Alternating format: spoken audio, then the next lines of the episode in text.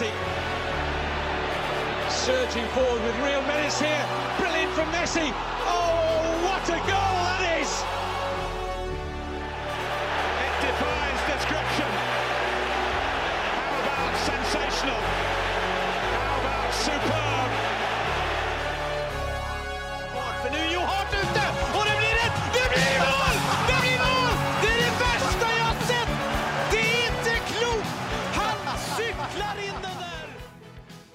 Ja da! Hjertelig velkommen til den 224. originale utgaven av den konspiratoriske fotballpodkasten 90 minutter. Jeg heter Thomas Edvardsen, og med meg i studio har jeg som vanlig podkastenes svar på Ronaldinho, Mats Granvold. Hola! Den hadde jeg hørt før i dag. ja, ja, ja, ja, ja, du er inne på noe! Og ikke minst hele Norges eh, Mathias Sammer, Søren Dupke. Hallo, hallo. Og grunnen til at Mats sier han har hørt den før, er at vi spilte inn en fem-seks minutter uten lyd. Ja, Bra vi fant ut så tidlig som vi gjorde. Eller at du la merke til det. ja. Det, det kunne jo kunne jo vært i 90 minutters ånd. Ja, kunne, vært en lang, kunne blitt en lang kveld, jeg. Ja, nei, det, vi har hatt mye, mye rare kvelder hvor det har eh, lidd utover natt, men eh, heldigvis hindra vi det nå. Mm. Eh, siden sist, alt bra, Mats? Eh, ja, lite å fortelle om, egentlig. Eh, kaldt og jævlig, som, som sist. Fotballfri, eller? Eh, ja, faktisk. Det er jo Det var sårt tiltrengt nå, faktisk. Å ikke stresse hjem for trening. Eh, skal bli godt det noen uker nå, altså. Ja, ja, det er alltid deilig med litt fri fra det vanlige. Ja. Eh, Søren Døpker, du hadde med deg noen eh, nydelige julekaker i dag. Ja, samboeren min som har baka, og hadde valgt å Altså, hun, har- hun har blitt inspirert av uh, tysk lepkoren, men har funnet en sånn norsk oppskrift av det hele. Eh, men det er jo veldig kjente julekaker i Tyskland, som form for litt sånn myk pepperkake med en eh, glasur på, og det er jo veldig veldig populært i førjulstida i Tyskland. Ja, Litt høyere enn en eh, pepperkake. Nærmest en litt sånn cookie-feeling. Ja, eh, det er ikke nødvendigvis alltid det du får i Tyskland. Hvis du har sett de der pakkene med sånne hjerter, stjerner og sånne bretselformer da. Ja, det er, det er lepkoren. ja Og de er, de, er, de er oppvokst med, og de er jo superglade. Så det er helt gull å få de på hjemmebane nå. Deilig med litt uh, tysk kultur inn i studio, som om ikke vi hadde nok, Mats. Mm, det trengte vi. um, begynner å nærme seg juletider nå. Det 4. desember skriver vi. Har du noen planer for høytiden? Eh, ikke, noe, ikke noe spektakulært, nei. Jeg skal til eks-svigerfamilien på julaften. Ja. Så det blir jo selvfølgelig hyggelig, men eh, bortsett fra det, så er det lite. Og du, Døfker, du skulle til Ålesund, var det ikke så? Ja, skal, vi, skal feire med familien til samboeren min i Ålesund, og det blir jo fint. Det er en fin by å være i, og sikkert en fin juleby òg. Jeg har ikke vært der i juletida før, men eh, det blir litt spennende å feire litt andre steder enn der man er vant til å feire. Ja, det er sikkert eh, deprimerende stemning oppi der nå etter nedrykket, vil du ikke Nei, men det, det nedrykket den så man jo komme fra, fra langt hold. Jeg tror de var egentlig sånn klare etter seks-sju kamper uh, da de starta sesongen uten å skåre hvor det ba hen. Så jeg tror egentlig de fleste har funnet seg litt i det. Nei, det har vel vært 17 stykker i snitt på de kampene her, er det ikke? Ja, det har ikke vært så voldsomt bra. Men det er bare Ålesund og HamKam som har gått tilbake i tilskuersnitt sammenligna sammenlignet med i fjor. da. Ja. Så det har vært, eh, det har vært litt sånn dalende interesse. Er veldig synd, for Ålesund Ålesund var jo egentlig en kjempefotballby. Ja, Husker Kråmyra?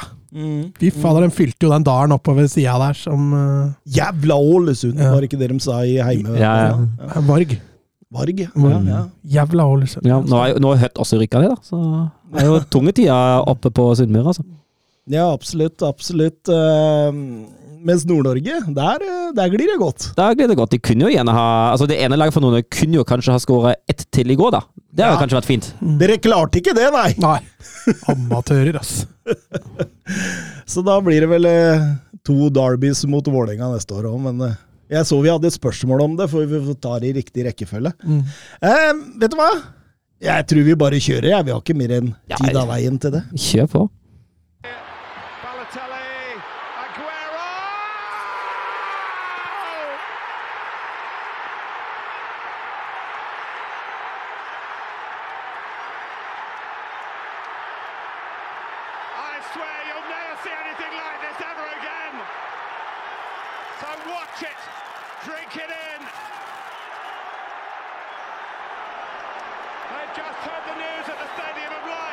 Ja Vi begynner i Premier League som vanlig. Det skjønte man av introen. Vi begynner eh, på Emirates med Arsenal mot eh, Wolverhampton. Og jeg husker eh, tidvis i fjor så sa vi at Arsenal er et sånt lag som kommer ut i 100 og bare, bare kjører over deg. Det har man mista litt, men, men nå var det kanskje litt tilbake.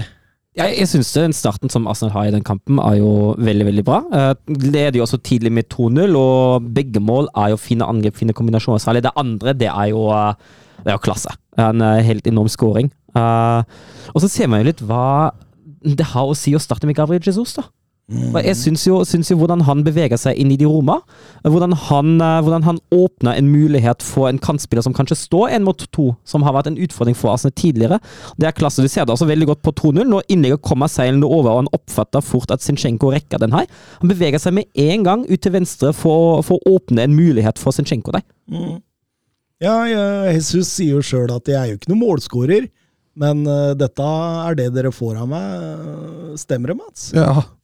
Ja altså han er jo strålende i Link-Up-spillet, og, og, en strålende relasjonsspiller. Eh, jeg tror det er mye lettere for, for spillere da, som Martin Ødegaard og, og Saka og Martinelli å ha Jesus å leke med framfor, framfor Ketia. Vi snakka om det litt sist, at Jesus bidrar jo i mange aspekter av spillet, kanskje med unntatt av å skåre mål, mens Nikke Ketia er jo stikk motsatt. At han bidrar jo mer med mål enn enn med noe annet. Og, og Nei, Jesus syns jeg spiller en strålende match. Eh, nå, nå sist, og, og, du ser også litt Arsenal offensivt når han blir bytta ut. altså Det er jo perioden hvor Arsenal begynner å halte.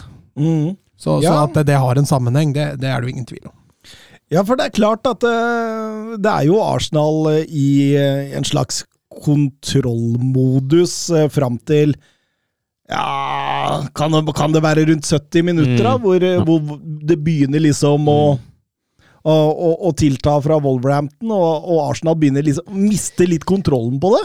Ja, da, da, er man, da, er man, litt vel defensiv og litt vel på halene, tenker jeg. Uh, det hele munner jo også ut i at Konja Konya skåra 2-1 etter en forferdelig feil av Zinchenko der. Mm.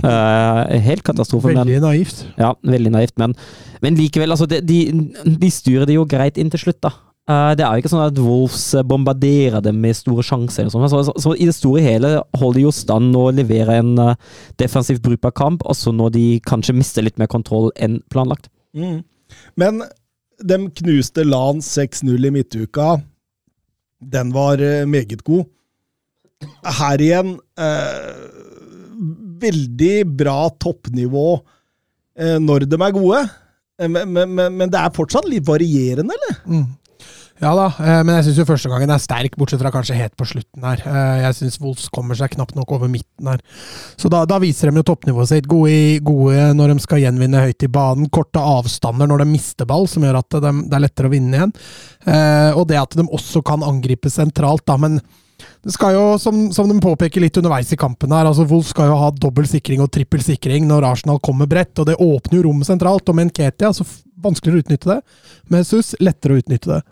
Eh, og så er det som du sier, det som skjer etter Jesus scora der, så, så, får man se Arsenal plutselig litt mer shaky. Selv på 2-0 så, så, så, virker det plutselig som at Wolves er litt mer med igjen, og når de får 2-1 der, så, så, tenker man jo at det her, det her kan de faktisk ta. Mm. Mm. Syns jeg Tom Yasu var bra. Ja. Det, det, det, er noe vi sjelden har sagt i denne podkasten. Ja, jeg hadde Jeg sa det jo det litt før, før jeg, jeg, jeg, jeg satt på på pub og så egentlig Wolfsburg, og så startet jo AC samtidig på en annen skjerm. Uh, og så sa jeg det sammen med en kompis, og så sa jeg til ham at, uh, at jeg syns liksom på den, uh, på den høyre bekken det mangler sånn den internasjonale toppklassen hos Arsenal. Om det nå er White eller Tomiyasu som spiller, men jeg er helt enig, han var bra i den kampen der. Mm. Fredrik Konradsen, Arsenal jobber for å hente Ruben Neves tilbake til fotballen. Litt artig at, at han bruker akkurat eh, den uh, ordsammensetningen. Eh, vil han fungere i Sjaka-rollen, han? Uh, ikke. Jeg, tror ikke du kan bruke han på samme måte, for Sjaka var veldig toveis. Sånn mer sånn klassisk indreløper. Neves er jo litt mer en, en playmaker-type, da. Uh, Men jeg vil jo tippe at han fungerer bedre enn det Kai Havertz har gjort i den rollen. Jeg vil tippe han fungerer langt bedre enn enn Trossar har gjort i den rollen. Eh, og så vil jo det jo utvilsomt gjøre Arsenal til et bedre ballag offensivt. Eh, og det, det har man jo ikke, så man jo heller ikke med Sjaka, at Arsenal var spesielt possession-orientert offensivt. Så han vil jo gi aspekter i det spillet som Arsenal ikke har hatt tidligere. Men uh, noe ren Sjaka erstatter, det ser han på ingen måte som, egentlig. Men tabelltopp, eh, livet smiler til Arteta uten at man på en måte har vist toppnivået sitt enda. Det, det, det, det blir i med helt inn? Ja, det tror jeg. Um, um, altså City, Litt av grunnen til at man tror, tenker sånn, er jo, er jo på grunn av City. Ja, ja, det Det er er jo jo ikke fordi Arsenal har vært så at man sitter og venter på dem, det er fordi City plutselig har begynt å halte litt. Så begynner man jo å tenke at jo, jo, da kan det åpne seg for flere. Men um, men øh, altså når du mener helt inn, tenker du da når det er igjen to kamper, eller tenker Ja. du når det er igjen sju kamper? Nei, jeg tenker, tenker eh, at det, om det kan bli spenning helt inn, liksom. Ja, det kan det, men eh, avhenger mer av City enn Arsenal, tror jeg.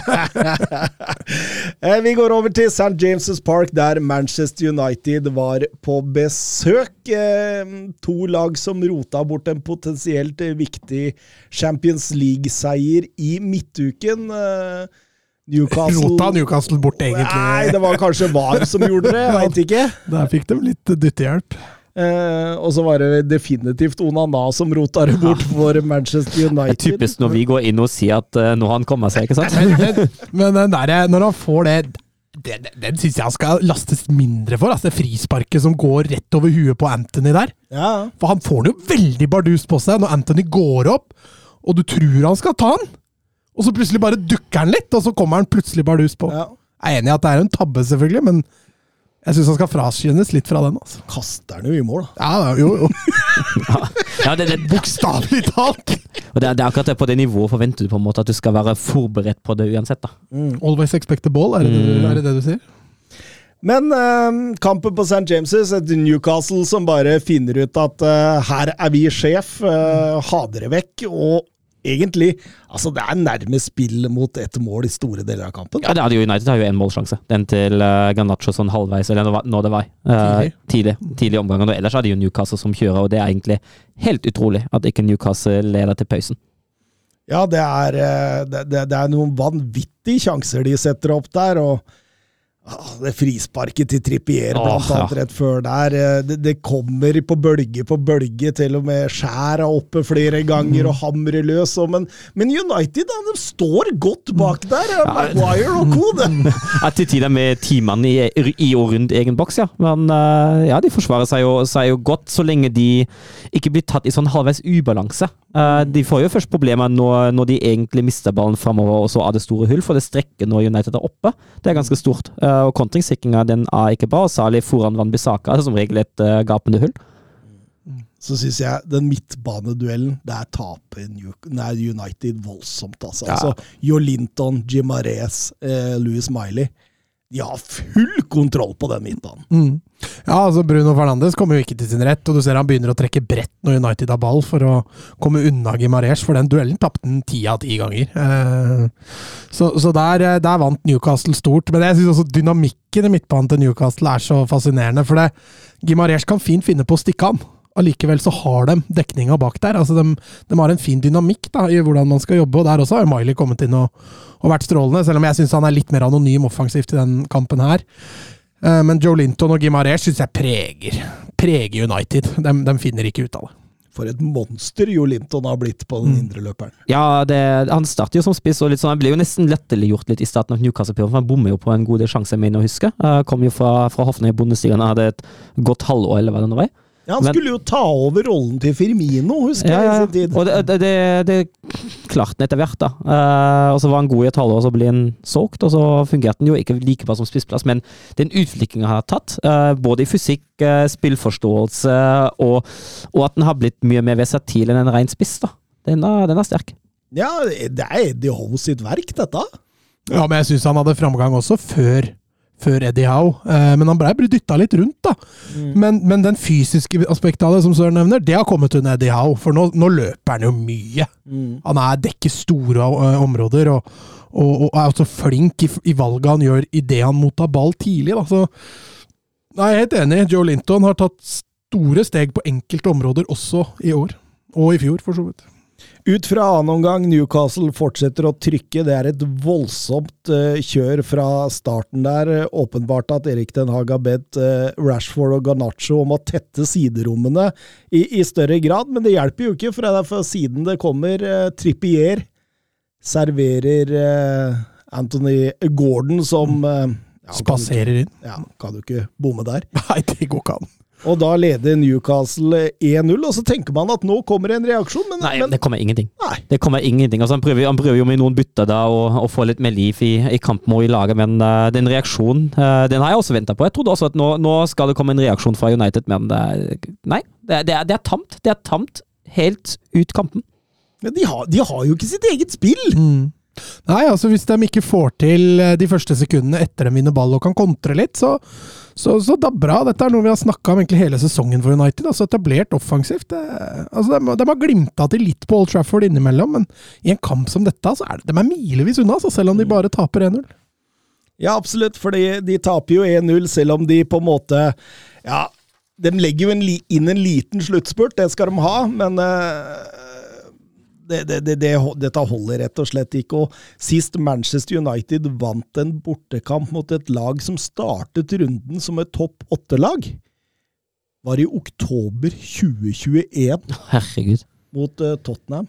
Siden den gang har det blitt null seire, tre uavgjort og ti tap! Ja, det er helt voldsomt elendig statistikk. Mm -hmm. Og topp åtte altså, Vi snakker ikke bare topp fire, ikke sant? Altså, det er topp åtte. Og det er jo United skal jo etter egen forståelse av klubb, ligger godt over topp åtte. Eller godt over topp åtte. De, de skal jo ligge i topp fire-sjiktet. Ja, de skal ligge altså, i, i, forhold til størrelse. Så altså, det, det, man skal nesten ikke tolerere annet enn gullkamp mm. hvis man er Manchester United. Så enkelt er det. Men det er bare det at man har senka lista og senka lista og senka lista og senka lista. Så det er faktisk Manchester United-supportere i dag som sitter og tenker at ja, det, vi ligger jo ikke så langt unna topp fire, da. Men, men, men, det som presteres, er så langt unna.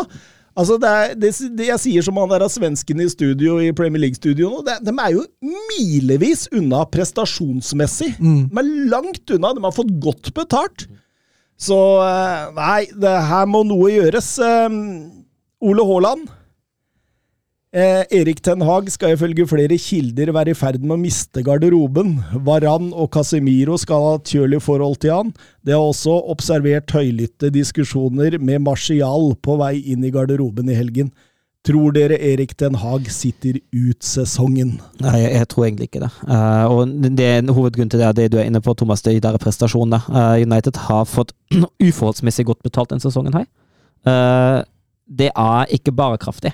Det kommer ikke til å vare. Uh, det, altså, det, kan jo, men det, det, er høyst usannsynlig at det kommer til å vare. Uh, og når resultatene uteblir, og det spillemessig så sånn ut som det gjør nå, uh, så ser jeg litt mørkt på, på hele det prosjektet der. Jeg, jeg tror ikke han, han overlever den sesongen, med mindre han virkelig begynner å finne ut av det. Men jeg ser ingen tegn til det heller. Jeg ser ingen tegn til at det skal bli bedre. Det, det jeg lurer litt på, da, det er at det virker som Erik Ten Hag har glemt absolutt alt det han sto for i Ajax. Altså, dette er jo mer Solskjær-type mm. eh, måte å spille fotball på. Det er jo ikke Erik Den Haag sånn vi husker han fra Ajax-tida. Hvorfor tror du eh, er eh, Han virker nesten litt engstelig. Litt sånn at han ikke stoler på egen filosofi. Eh, kan det være noe i spillemateriellet han ser, eller hvorfor opptrer han på denne måten, Mats? Ja, jeg tror, han, jeg tror naiviteten har tatt over litt. Eh, at uh, han føler kanskje han har noe å forsvare framfor det å føle at du har noe å angripe. da. For Jeg er jo helt enig med deg. altså United ser jo bedre ut defensivt enn de gjør offensivt. og og det var jo stikk motsatt av det hvordan det så ut i Ajax, mm. hvor det var tut og kjør og, og pasninger skulle gå i lengderetning. og og, og bevegelse, store, eller mange bevegelser offensivt. Her er, det, her, er det, veldig mye mer stakkato og flatt. Og så skal vi selvfølgelig ikke glemme at spillematerialet han har nå Og da snakker jeg ikke nødvendigvis bare om ferdigheter, men også om mentalitet. altså det, det var jo aldri snakk om at, at det var smurring i garderoben og sånn under Ajax. Det er klart, mm, flyt og medgang har jo noe med det å gjøre, men eh, det var en spillergruppe da, som var åpenbart mye mer villig til å jobbe og, og irettesette seg, mens her har han en spillergruppe som er allerede mye mer satt. Altså Det er mye mer rutinerte spillere. altså Rashford har jo enormt mye makt. Casemiro kommer jo fra fem Champions League-gull, eller Varan nesten det samme. Altså Regjerende verdensmester. altså Disse gutta har en stemme i garderoben da, som, som antageligvis er minst like høy som Ten Hag. Og, og det er jo som Søren sier, da, altså hvis han får disse gutta mot seg, så da er det jo bare et tidsspørsmål før ting begynner å rakne. Mm. Men, men, men samtidig Jeg tror det bor en meget god trener i Erik Den Haag. Ja, ja. Og jeg, men jeg, jeg tror han, han trenger en disiplinert spillergruppe. Han kan godt ha ett eller to utskudd, type Anthony, sånn som han hadde i Ajax. Men når du har ti utskudd, som alle har en mening, Ja. som ikke er lik din egen, så, så kommer det til å bli gnisninger. Og det har jo nesten ikke vært en måned i år uten en skandale som ikke har med fotball å gjøre i United. Det, altså, Ten Hag har en klar filosofi. altså Sånn og sånn og sånn vil han ha det. Hvis du ikke klarer å etterleve det, så, så blir du straffa. og Det er mange av spillerne allerede bevist. Du Klarer ikke å holde. Det, det har vi jo snakka om før. Vi har snakka om det samme under Ralf Ragnhild, han som ikke fikk det til i United heller. Nå, nå spiller han eh, Østerrike, med beste fotball som Østerrike har sett på, på år og dag med det østerrikske landslaget. Mm. Med den samme filosofien.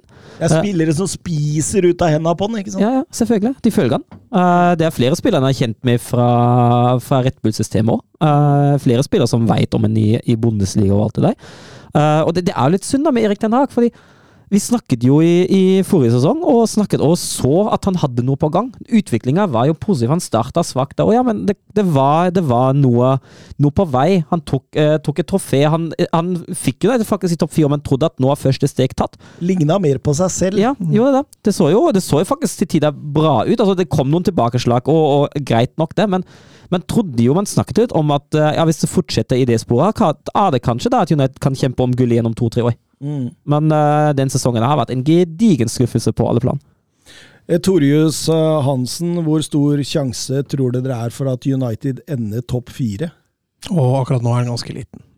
Men, men det er jo ingen, ingen, ingen tog som har gått ennå. Eh, avstanden opp til topp fire er ikke Den prestasjonen Ja, ja, men, men, men hvis de snur skuta, da, sakte, men sikkert ja, men um, Hvordan skal de klare det? Nei, men jeg bare sier rent teoretisk, så er det jo altfor seint å si at toget har gått. Det er fem poeng opp til Champions League. Vi er, Ja. vi er ikke halvveis ennå men, men, men, men det, det er jo ingen spor til bedring her.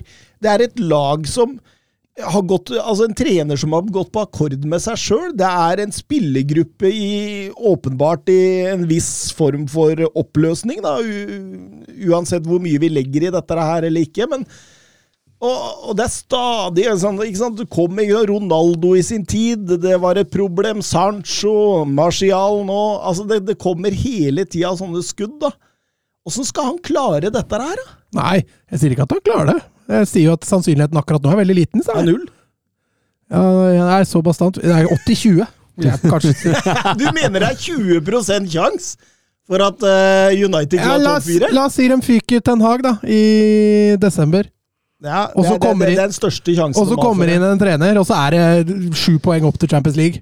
Ja. Som kan, kan riste tak i Rashford og få i gang han. Men, Men det er 10% sjanse, ikke 20 Å ja, det er såpass stor forskjell her, ja. ja. Så det er 90-10, altså. Du hadde noe du skulle si? ja, men jeg, jeg, jeg tenker altså, hvem, hvem skal inn der nå midt i sesongen og snu den skuta riktig? Ja, Conte, ja, den ene, den ene jeg kom han vil kanskje. jo Ja. ikke andre steder enn Juventus. Ja, da, da venter han lenge. ja, men han skulle vente ut sesongen, og så Ja. når Allegri pakker snippesken og drar, så er Conte der. Ja. Flick. Ja, det, det er, men Flick er jo, er jo også en trener som har Ja, han er litt avhengig. Det er liksom går i samme gata ja, som Ragnhild og Ten Hag. Ja, det er akkurat det, da. Det må bli en sånn Di Serbi eller noe sånt da. Ja, en sånn som bare går inn og tar spillere med storm. Da. At, eh, at de, han, de kjøper ideen hans. At det her er vi villige til å jobbe for. Å få en sånn der som skal inn og disiplinere spillere. Det, det, nå har de prøvd dette to ganger. Det har ikke. Adrian Tømmernes, hva har skjedd med Rashford? Han er jo en skygge av seg sjøl. Ja, for det første spiller han jo høyrekant. Da. Det er vel den minst attraktive rollen hans. Og du, du ser det nesten på han når han spiller òg, at eh, han har ikke lyst til å spille der. Eh, og der har jo Ten Hag gjort den vurderinga at, at laget taper minst ved at han spiller høyrekant framfor Garnaccio. Eh, og så har han vel slått fra seg helt tanken på at Anthony Det er der vi taper mest, hvis han spiller. Eh, så så er, det, er vel, det er vel det eneste jeg kan tenke meg at det er grunnen. Men, men spørsmålet her er jo at han får den i gang Rashford, så er jo det nesten grunn aleine til at United kan kapre kapre Champions League, men da må han spille venstrekant. Ja, Han kan ikke det. spille nier eller høyrekant. Og da, da ryker eh, Manchester United kanskje beste offensive spiller de siste kampene. Ja, Garnaccio. Ja. Og det er det som er Jeg skjønner jo valget hans, at det, det er et tøft og slitsomt valg, men eh, du ser også at han, han har ikke greid å motivere Rashford nok til å spille høyrekant. Nei. For den, den rollen har han nesten ikke lyst til å spille, tror jeg. Eh, Nesten bedre, føler jeg. Og da kjørte han opp i den nierrollen. mm. Fordi den der høyre kantrollen, den fikser han ikke, altså. Nei, ikke, ikke defensivt heller. Altså, han var det weak link, altså defensivt og United eh, mot Newcastle. Så Ja, absolutt. Eh, Vi går over til eh, brua. Til eh, Chelsea mot eh, Brighton. Det var en voldsomme søndagskamper man fikk er servert. mye action, altså. Og så- og Sammenligne det med de søndagskampene som gikk i La Liga. da. ja, det, det Det- det var det- Nei, Basha var ikke så ille, da! Nei, men altså, jeg, har sett på de der. Uh, tre mål på fire kamper i La Liga den Men jeg søndagen. syns jo Altså. Basha Atletico var Ja, det, det er en fin, fin underholdende kamp for alle. Det Sevilla vi er, var nok ikke så ille heller. Da. Nei, da, nei, jo, nei, den var heller ikke så Nei. Men Så- antall mål og åssen måla ble skåra, så er jeg enig i at det ja, var mer ja. underholdning i Premier Og League. det, det er ikke for forkleinelse for La Liga, jeg er glad i La Liga også, men uh, det, den kontrasten var bare litt slående der. Men, eh, men, men eh, kampen Chelsea-Brighton den starter jo litt som man, man tenker seg at han skulle starte. At det bølger litt fram og tilbake. To, to lag med klar identitet. To, to lag som angriper hurtig. Eh, det, det, det bølger og sånt. Og så, vips, så er Chelsea opp i en eh, 2-0-ledelse etter to cornere. Ja, det var dødball Chelsea, det, med Enzo Fernandes. Kanskje litt overrasket at han Rollen hans på dødball er jo å ta ut keeper. Eh, han skal jo bare stå og være i veien for keeperen, men eh, når det blir en første duell og en andre duell, så er han plutselig umarkert på bakerste der, og et lite C-moment fra Badiashil, så plutselig skårer han sitt første, første Premier League-mål, helt på grensa på offside der, men eh, den gikk akkurat, den. Og Levi Colville rett etterpå. Da, da har Brighton satt seg i store problemer. Eh, Noen få tilløp hadde dem, men, men du, du ser jo at dette er et Brighton som sliter mer enn hva de har gjort eh, tidligere under eh, Di Serbi. Du skjønner jo Di Serbis eh, lille frustrasjon for tida. Ja, ja, helt klart. Eh, Det, det går ikke helt på skinna som vi har, som vi er vant til dem heller. Og så er det jo, er det jo klart å ligge 2-0 unna på, på Stamford Pitch. Det, det er alltid vanskelig, det der. altså. Men, eh, men på fem minutter eh, før pause der, så, så blir, får de både en redusering og en uh, utvisning Rødt på kort, en. Chelsea-spiller. Ja, eh, Buonanotte der er en strålende scoring. Nok en søramerikaner. Vi snakka vel litt om han i fjorårssesongen nå. Er vel fortsatt bare 18, Mm. så han er fortsatt bare unggutten. Og måten han setter den på, er jo klasse. Drar seg inn der. Litt sånn klassisk Klassisk Messi-scoring, holdt jeg på å si, og så legger han i lengste. Og så er det Gallagher, da, som uh, karneflyr på vei gjennom der. Er fryktelig urutinert. Han burde ha to-tre eh, gule, gule, gule kort før dette. Ja, det er sole, soleklart utvisninger der, altså. Pochettino har jo sagt at eh, Chelsea er sin egen verste fiende, og de siste fem minuttene på førsteomgangen der, så må man jo si han hadde rett. Ja, og det, det, er en kamp som de egentlig har ganske brukbar kontroll på, altså. Mm. For det, det er ikke så mye som du, som du sier, det er noen tilløp, men det er ikke så mye som Brighton egentlig har å, å stille opp med deg. Og det å Altså, altså det å gå, gå til pause med 2-0 og 11 mann er ekstremt forskjellig fra 2-1 og 10. Mm. Ja, fordi Brighton eh, kjører jo ut fra pause der. Ja, det, ja, det forventa man jo egentlig når man kom ut i andre omgang, at her skal Chelsea få, få flytte beina ganske kjapt fra starten av. Det, det måtte de jo, og Brighton de bare peisa på dem. Mm. Men likevel, André Schjelderup eh, spør. Var straffesparket til Mudrik clear and obvious? For meg er en soleklar play on. Ble, var Chelsea litt heldige der, fordi de var litt på gaffelen? Det kunne blitt 2-2, og så får de 3-1 og tomålsledelse igjen. Altså, jeg, jeg, har sett på den flere ganger nå. Uh, altså, jeg, jeg tror kanskje at problemet med den er, er at den, ball, keeperen eh, får ballen uansett. da. Uh, men hvis man ser utelukkende på duellen Milna mot Modric, så mener jeg jo at altså, Milna treffer Modric og feller han uten at ballen er det i det hele tatt. Altså, han, han stikker ut høyrefoten sin og sparker den i Modric. Og for meg, for meg er det et straffespark. Som, som jeg ser det, i hvert fall. Ja, Nå har ikke jeg sett den flere ganger, da, men min første reaksjon var at den, den ikke er Altså, når den går til VAR, og de får den på stilstudio, sånn, så, så ser det jo ut som en straffespark. Jeg er jo enig i det. Det er jo det er vanskelig å være uenig i det. Men når du ser den real time, så skjønner jeg veldig godt at dommeren ikke blåste. For det ser jo ut som de er på høyde der når duellen kommer. Men så er det som Søren sier, han tar jo ikke noe ball der, så det er jo Nei, han, han gjør ikke det. Så, Men jeg, jeg syns allikevel det er grensa altså, for hva man skal gjøre. Jeg syns det er kjipt. Altså. Nei, jeg, begynner, jeg begynner å bli så lei VAR. Ja, det, det er jeg jo. så lei VAR. Så det er sånn du håper ah, ingenting går til VAR, egentlig. Ja. Nei, fordi i, i, i, I mitt fotballhode så er play on det riktige her. Eh, men jeg forstår at når dommeren blir sendt ut på skjerm, Da blir det ser dette i slow motion og alt det der, at man klarer å finne en eller annen paragraf et eller annet sted som tilsier at det skal være eh, straffespark. Jeg, jeg, jeg, jeg ser den, men eh, det er som Søren er litt inne på, altså For meg, da, fotballens prinsipper Altså, det, dette skjer jo omtrent når keeper Steele har ballen der. Mm. Og det er liksom ah, Løper de ikke litt i hverandre? Mm. Er det ikke litt sånn ah, Nei, jeg, jeg, jeg liker den ikke helt, men skjønner jo når dommeren blir sendt på, på, på skjerm at det, den er eh, klar, og Enzo Fernandes setter 3-1, og da, da fikk Brighton en jobb. eh. Ja, det tok litt Ja. lufta ut av dem. Eh, Ja, og Chelsea myra godt igjen også. ja. men, men de fikk jo livlina si da, når det blei så mange tilleggsminutter, og de skårte så tidlig. Ja, absolutt. eh, Og de, de maste jo på et par straffespark, de også, uten å bli, Ja. uten å bli eh, Spesielt den når Levi Colver blir skutt i ansiktet. Knallhardt, og alle bare 'hands, hands, hands'! og så ja, Var det den han blåste på? Ja, Ja, det er den han blåste på, ja. Der, har vi, der er det jo godt at man har var igjen, da, for den hadde vært veldig kjip å fått imot seg. Ja, herregud. Men Chelsea drar i land eh, 3-2-seier. Et sterkt resultat med tanke på at man spiller over en omgang da, med, med ti eh, spillere. Pochettino det, det er stadig forbedringer her. Mm, ja da, og Chelsea har vi jo skrytt av. De hadde et lite tilbakesteg forrige match, men nå, nå er det litt tilbake nå, og så viser de et nytt element i forhold til grinding, og det, det er også noe Chelsea ikke har hatt på, på, på hva skal vi si, forseskalaen sin tidligere. så og, og Brighton, det, det er en skarp, det. Spiller én mann mindre i én omgang mot Brighton og kommer fra det med Ja, det blei vel 1-1 i andre omgang, så det, det er respektabelt, det. Dette er vel 18. kampen da, til Brighton, så vidt jeg kan huske, som hvor de har både sluppet inn og skåra mål. Spennende å se hvor lenge den varer. Mm, Snakk om- Sannsynligvis lenger. Snakk om underholdning i Tottenham-kamper, men eh, Brighton har en god underholdning sjøl. Altså. De, eh, har det. Og underholdning, det fikk vi også på Anfield når eh, Fulham kom på besøk. Liverpool selvsagt store favoritter, selv uten Alison Becker baki der, men det blei en gøy kamp. Det ble drømmeskåringens aften, ja.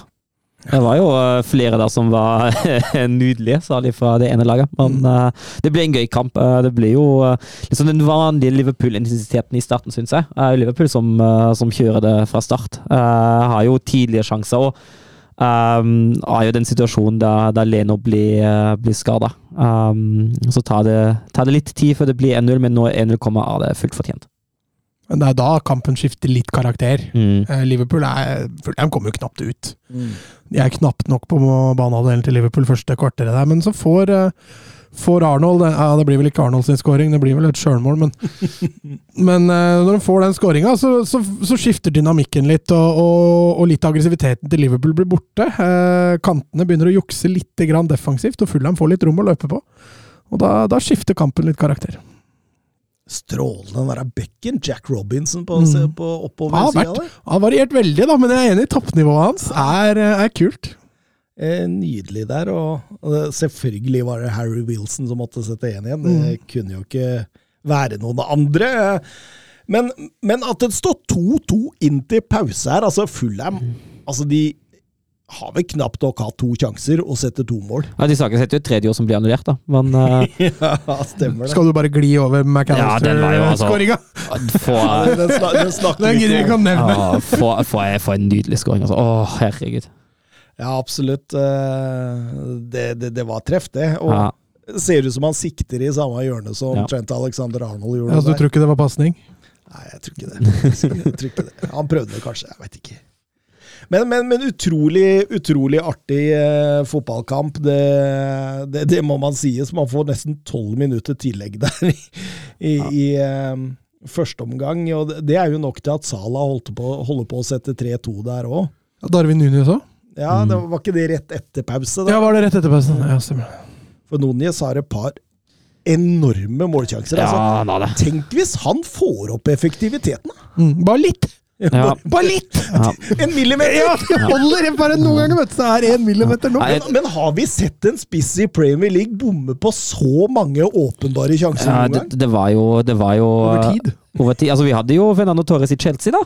Han var jo, han var jo ganske ille, og så var det jo etterfølgeren til, til Torres i Liverpool, da, som også mener jeg å huske var helt forferdelig foran mål. Har ikke Høylund begynt å få en del bommerter da? Ah, jo, jo. I Premier League, altså? Og så- har, har vi jo vår gode, gamle klassiker i Timo Vena. som har bomma på, på bomma voldsomt. Mye Chelsea, men Chelsea, har, Chelsea må jo vel ha en del av de Sjevsjenko og Mateja Kesman og alle de gutta der. De hadde trøbbel, dem. Altså. Men har du sett den videoen av, uh, av Darwin Núñez in real life? Når han skal liksom på en måte hente seg en kopp Ja, ja, ja, med vann, og så bommer han på strålen i vasken. Og. Men han- han er litt sånn, akkurat nå han er liksom, som, som Gabriel Jesus, for han er jo veldig verdifull å ha i link-up-spillet. For han gjør jo en veldig god jobb som link-up-spiss. Han mangler bare litt sånn de målskåreregenskapene nå. Men han er best når han kan linke opp med Salah. Ja, han Han liker ikke så godt å linke opp med de andre. Nei, Han ser, han ser ofte etter Salah. han gjør det. Men jeg, jeg er helt sikker på at eh, Liverpool har en, eh, en angriper der som kommer til å spytte inn mål på et eller annet eh, tidspunkt. Bare han får fjerna de der flettene sine nå, for det var horribelt å se på. Altså, jeg har sett den i, i, i Benfica. Eh, noe av styrken hans var jo avslutningene. Mm. Eh, Han er bare inne i et feil spor. ja, det, det, det, det er litt marginer imot, har vært det over tid nå, men med masse tillit så, så kommer det der til å løsne til slutt. Og da har du en spiller som skårer 20-25 mål hver eneste sesong, det er jeg ganske sikker på. Eh, men eh, ja, det, det, det, blir jo spennende, og, og, og, Fulham skårer eh, to-tre, ti minutter før slutt, og da tror jeg faktisk det er natta Liverpool, altså. Ja, det tror jeg, for du har, man har liksom det inntrykk av at altså det, det ebber litt, ebber litt ut, da. I, uh, i, det- I den tida før Fulham skåra. Men har ikke, jeg sitter ikke helt med den følelsen at nå klarer de å omstille. Men uh, de klarer det likevel. Alltid ledig i krysset, vet du. Mm, faktisk. Det det Ja, for, fordi vi, vi har jo ja, får en drømmeskåring til, vi. Endo setter eh, 3-3. Endo av alle, faktisk, som eh, setter den vakkert opp i hjørnet der. Og når man eh, tror man har fått nok, så sier Trent Alexander Arnold at det har man ikke. Og eh, har lurt seg med framover i et løp der, og det er en nydelig avslutning. Ja. Mm. Han har bra dælj i skuddbeinet Mm. sitt. Altså. Får sånn derre vips, visp. Er det bekymringsverdig at Liverpool til stadighet må gjøre et comeback, eh, eller er det positivt at de alltid klarer å hente seg inn, spør eh, the real eh, Brady Hageland. Jeg tenker begge deler. Det er jo selvfølgelig positivt å ha, å ha den egenskapen med å kunne hente seg inn og snu kamper og avfyre på tampen og ha moralen til å snu det. Eh, Men ja, jeg syns jo det, det er jo litt bekymringsverdig også som et topplag, som et gulljakende topplag, Uh, å havne i situasjoner og ikke ha den suvereniteten og litt sånn spille litt på marginer, da. Uh, Det, det kan slå feil ut, og det er noen poeng som kan gå tapt der. Ja, jeg er helt, helt enig med deg der at, at det, det, det De laga som spiller på marginer, de vil oftere tape poeng enn de som på en måte unngår å spille på disse marginene, da. Men samtidig Altså, jeg- ser jo ikke på Liverpool som noe sånn veldig sånn marginalt lag. Det er ikke noe Atletico Madrid, liksom. Eh, de kan fort finne på å peise på og lede 4-0 til pause og sånt. Og at, at man får disse eh, svingningene som man får i Fulham-kampen, det, det er jo et resultat at man fortsatt sliter litt med balansen i forhold til denne sekseren, det med Arnold inn, sånne ting som det der. der. Eh, det blir veldig åpne rom på den høyre sida der. Eh, og eh, når, når de får tetta og funnet ut litt av det Skal det jo sies at det var fryktelig effektiv i den kampen. her. Ja. Det er ikke så ofte du møter motstandere som omtrent scorer på alt de har avslutninger på mål. Så har de jo en keeper da, som også nesten kaster ballen i mål en periode der, så Alexander Skiaker, eh, når skal Klopp slutte å flytte Trent opp på midten, får hjerteinfarkt hver gang Liverpool får brudd på seg? Uten en skikkelig sekser er det etter min mening altfor høy risiko å etterlate så store rom til Matip eller Konate alene. Mm. Ja, men Det er jo det de sliter med. Ja da, sånn rent isolert sett så har du rett. Samtidig da, så får de en matchvinner på topp, da. Så du, du, du får jo noe også. Han hadde jo den mot City. òg. så han, han gir jo også noe i den rollen der, men, men jeg skjønner veldig godt at hvis man først ser litt på, på rom og romfordeling offensivt for, for Liverpool, så har de en utvilsomt sårbar eh, et sårbart rom å angripe, men samtidig, altså det rommet der hadde de angrepet om Arnold hadde spilt der òg!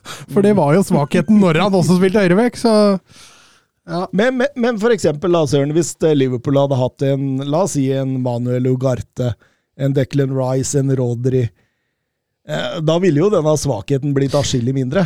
Det ville jo det, definitivt. For da har du jo noen andre som kan dekke opp nettopp de rommene som etterlates der. da. Eh, Og dekke opp uh, foran Forsvaret. Så ja, det er jo litt sånn det da at man Fataro Endoen er jo han er jo ikke den sekseren som Liverpool kanskje har ønska seg. Uh, og McAllister er jo en langt mer offensiv spiller, egentlig. Han er jo egentlig ikke en sekser i seg sjøl. og det er klart at da, da blir det plutselig et rom sentralt.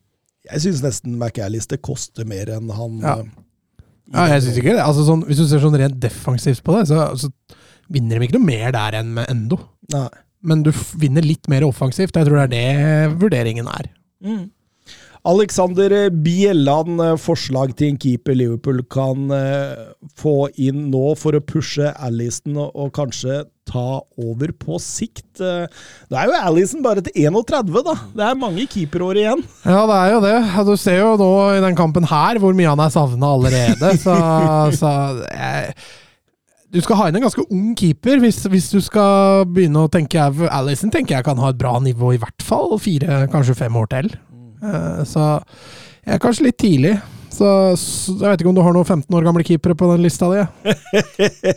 Jo, noen, noen, finner, Jo, det. Noen, noen finner jeg, men eh, Nei, altså, jeg, jeg, jeg, ville ikke tenkt så mye keeperreserve hvis jeg var styr og stell i Liverpool. Jeg tror ikke det.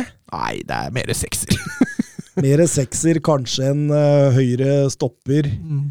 Eh, andre steder eh, skoen trykker. Men man, man kan jo gjøre en Chelsea, da, og så hente inn en uh, purung uh, Gabby Slonina. Mm. eh, låne han ut igjen og, og rett og slett sikre seg. Altså, jeg kan bare tenke meg om, om et par år, da. Guillemé Restes, eh, Toulouse-keeperen der. Mm. Han er vel bare nettopp fylt 18, tror jeg. Står Mm. fast for eh, Toulouse. Hentet han, lånt han tilbake til Toulouse et par år. Sette an utviklingen.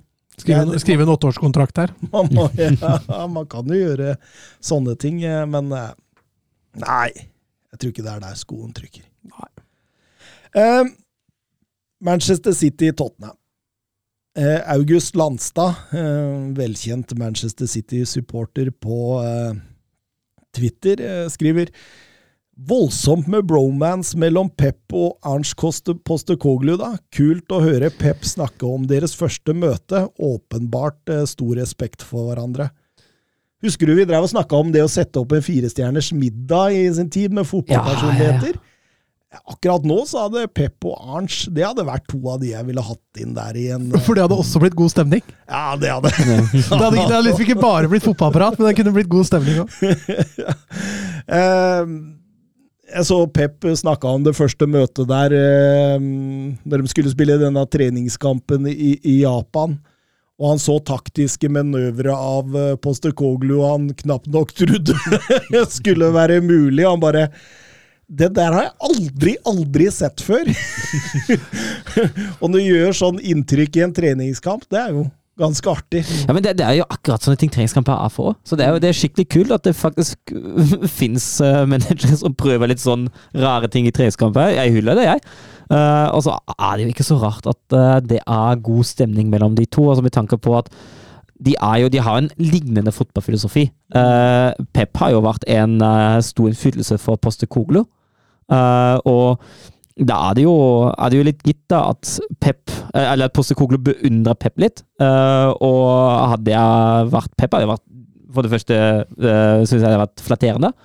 Eh, For det andre, altså man, de er jo ganske sikkert ganske enige om ting, og Postekoglu er en fryktelig interessant manager. Mm. Eh, og Pep, uh, ut ifra det jeg har lest om hans tid i Tyskland nå, uh, en journalist som har fulgt ham og, og skrevet bok, så har han regelmessig satt seg ned med, med andre managere og diskutert fotball, blant annet med Nagelsmann og, og flere. da, og For ham er det nok fryktelig fryktelig gøy å høre andres betraktninger og diskutere litt fram og tilbake. Han er jo en 100 fotballmann. Jeg, veit ikke om dere har hørt når Ståle Solbakken fortalte Uh, Han uh, kontakta han i forbindelse med disse Champions League-oppgjøra. Ja, Pep, ja. Eh, ja. Ja. Hvor eh, de spurte om de kunne få møte Guardiola i, eh, på hotellet. Mm. Hvor han hadde rydda hele restauranten bare for å ta imot Solbakken og assistenten hans. Og de hadde si, altså, Solbakken sa vel det at det, var nesten jeg som måtte avbryte dette, liksom, for det var så, var så intenst. Han snakka og snakka og snakka og, og delte historier og delte taktiske manøvre og, og, og, og ga så mye av seg selv. da. Så det er, det er, det er jo en fotballmann. Mm. Ja, det er Postecoglou. Ja, Helt klart. det, det, det- tror jeg Og også. de, de, de to, altså de to jeg, tror, jeg, tror hvis, jeg tror hvis de to hadde hatt tid til å snakke fotball en hel uke, så hadde de fort gjort det. Det er ikke umulig. Og, Hver gang vi møtes med, med Det hadde jo vært et artig konsept av managere hver gang vi møtes. ja, det Som skal fremføre hverandres taktikker. Det hadde vært gøy. I hvert fall for oss. Ja. Jeg veit ikke om det har vært fredagsunderholdning for hele Norge. Nei, det er sant. Men eh, kampen da Tottenham fortsatt eh, store skade- og suspensjonsproblemer, men de, eh, de, de kjører på i kjent Postekoglu-stil eh, fra start her. Med fire bekker. Fire bekker og fullt kjør. Ja da, og det funka bra, eller bra, det funka greit første ti minutt, kanskje kvarteret. Da sliter City med gjenvinninga høyt i banen, og, og Son, Kulusevski, Gill altså de, de får rettvendt seg da, og får satt fart. Og det, der sleit City de første, første ti minutt, kvarterene. Eh, og så får de litt mer orden på det. De får dratt inn indreløpere litt når de angriper. Det var noe de egentlig ikke hadde tenkt til når de skulle angripe, men de er nødt til å gjøre det for å kunne ha kortere avstander når de skal forsvare seg. Eh, og det fungerer jo langt bedre i forhold til gjenvinning, og da får City satt mer i det trøkket uh, når, de skal, uh, når de skal angripe sånn vi kjenner City, og da, da ser vi jo Tottenhams utfordringer, spesielt sentralt i banen. Der er det jo Det er syltynt i perioder der, altså. De får ordentlig kjørt seg. Men Son setter 1-0 først, da. Det skal nevnes, selvfølgelig. Han setter 1-1 nå. Han gjør det. sånn, er, sånn er i kanonslag første 20 der! Skårer to, han. Eh, Det gikk eh, 137 sekunder mellom skåringene. Kun Gareth Barry i 1999 som har både mål og selvmål i de første ti minuttene i en Premier League-kamp i historien. Nei, det skjer ikke så ofte, nei. Det, det, det skjer ikke så ofte, men etter disse ti minuttene da, så tar jo Manchester City, som Mats sier, grep, og, og det er gjenvinning på gjenvinning. Eh, Tottenham klarer ikke å frispille seg i det hele tatt, og det det, det, det store problemer. altså det er, det, det er nesten et under at Manchester City ikke klarer å straffe dem Ja. før de gjør. Og Bus Bizuma der, han, det må være den tynneste matchen han har levert i, i Tottenham-drakt. Vært litt nedadgående, altså. Ja, og feilvendt når han får ballen. Altså, han er ekstremt optimistisk på egne vegne. Altså, selv med han, han har sikkert fått masse selvtillit i løpet av sesongen, sesongen i år, fordi han lykkes med alt. Og det gjør at han blir nesten litt naiv når han står der feilvendt med mann i rygg, for han mister ballen gang på gang. Og det, det er som du sier, at City ikke straffer det. Haaland bommer jo på åpent mål der. Det er jo helt utrolig. Ja, det er, og det er flere store sjanser. To stolpeskudd, og eh, City kjører dette her jo fullstendig i resten av første omgang. Doko har vel en i tverrlegg Ja. stolpe og ut. Ja, ja, ja, og var det Alvarez som også hadde en i stolpa? Ja. Mm. Altså, altså er det jo én som klarer å skåre, da. Phil Foden. Ja, absolutt. Et strålende angrep, da. Eh, ingen tvil om det. Og Foden på fem meter, det var, det var enkelt. Og da, da trodde jeg ikke at Da trodde jeg det var Ja, kjørt. nå er det, nå er det. Ja, nå er det ferdig. Nå er det kjørt. Men det var bare ett mål til pause. Ja, det er nettopp det. Og det, det, altså det, jeg er enig om at det, altså det, det bør jo egentlig ha vært avgjort til pause, det der. Uh, no offense, men uh, det var eh, voldsomt overvekt. Men det var bare ett mål. Og da er det Postekoglu som tar ja, Er det for første gang i Tottenham-historien han tar litt hensyn, Mats? Ja, jeg tror det. Høibjerg-byttet der. Eh, Det var eh, nesten ene og alene for å skape bedre balanse. Eh, Også for Tottenham, som altså, Lo Celso Altså, Bizoma blei for aleine. Lo Celso hadde ikke de bidraga defensivt der, og, og Kulisevskij i en tierrolle altså, Offensivt fungerte det jo for så vidt når de klarte å frispille seg, men defensivt så fungerte det ikke i det hele tatt. Og, og han var nødt til å gjøre et grep der. Eh, og, og Høibjergen var ganske naturlig, var omtrent eneste seniorspilleren han hadde på, hadde på benken, så Det kom en Rikarlisson mot slutten. ja, Han også var jo ikke helt i form, men Uh, og det, det hjalp veldig for Tottenham. De, fikk, de mista litt av brodden offensivt, men de fikk, uh, de fikk noe defensivt som, som, gjorde at City fikk ikke det trykket, det, de høla å angripe defensivt. da.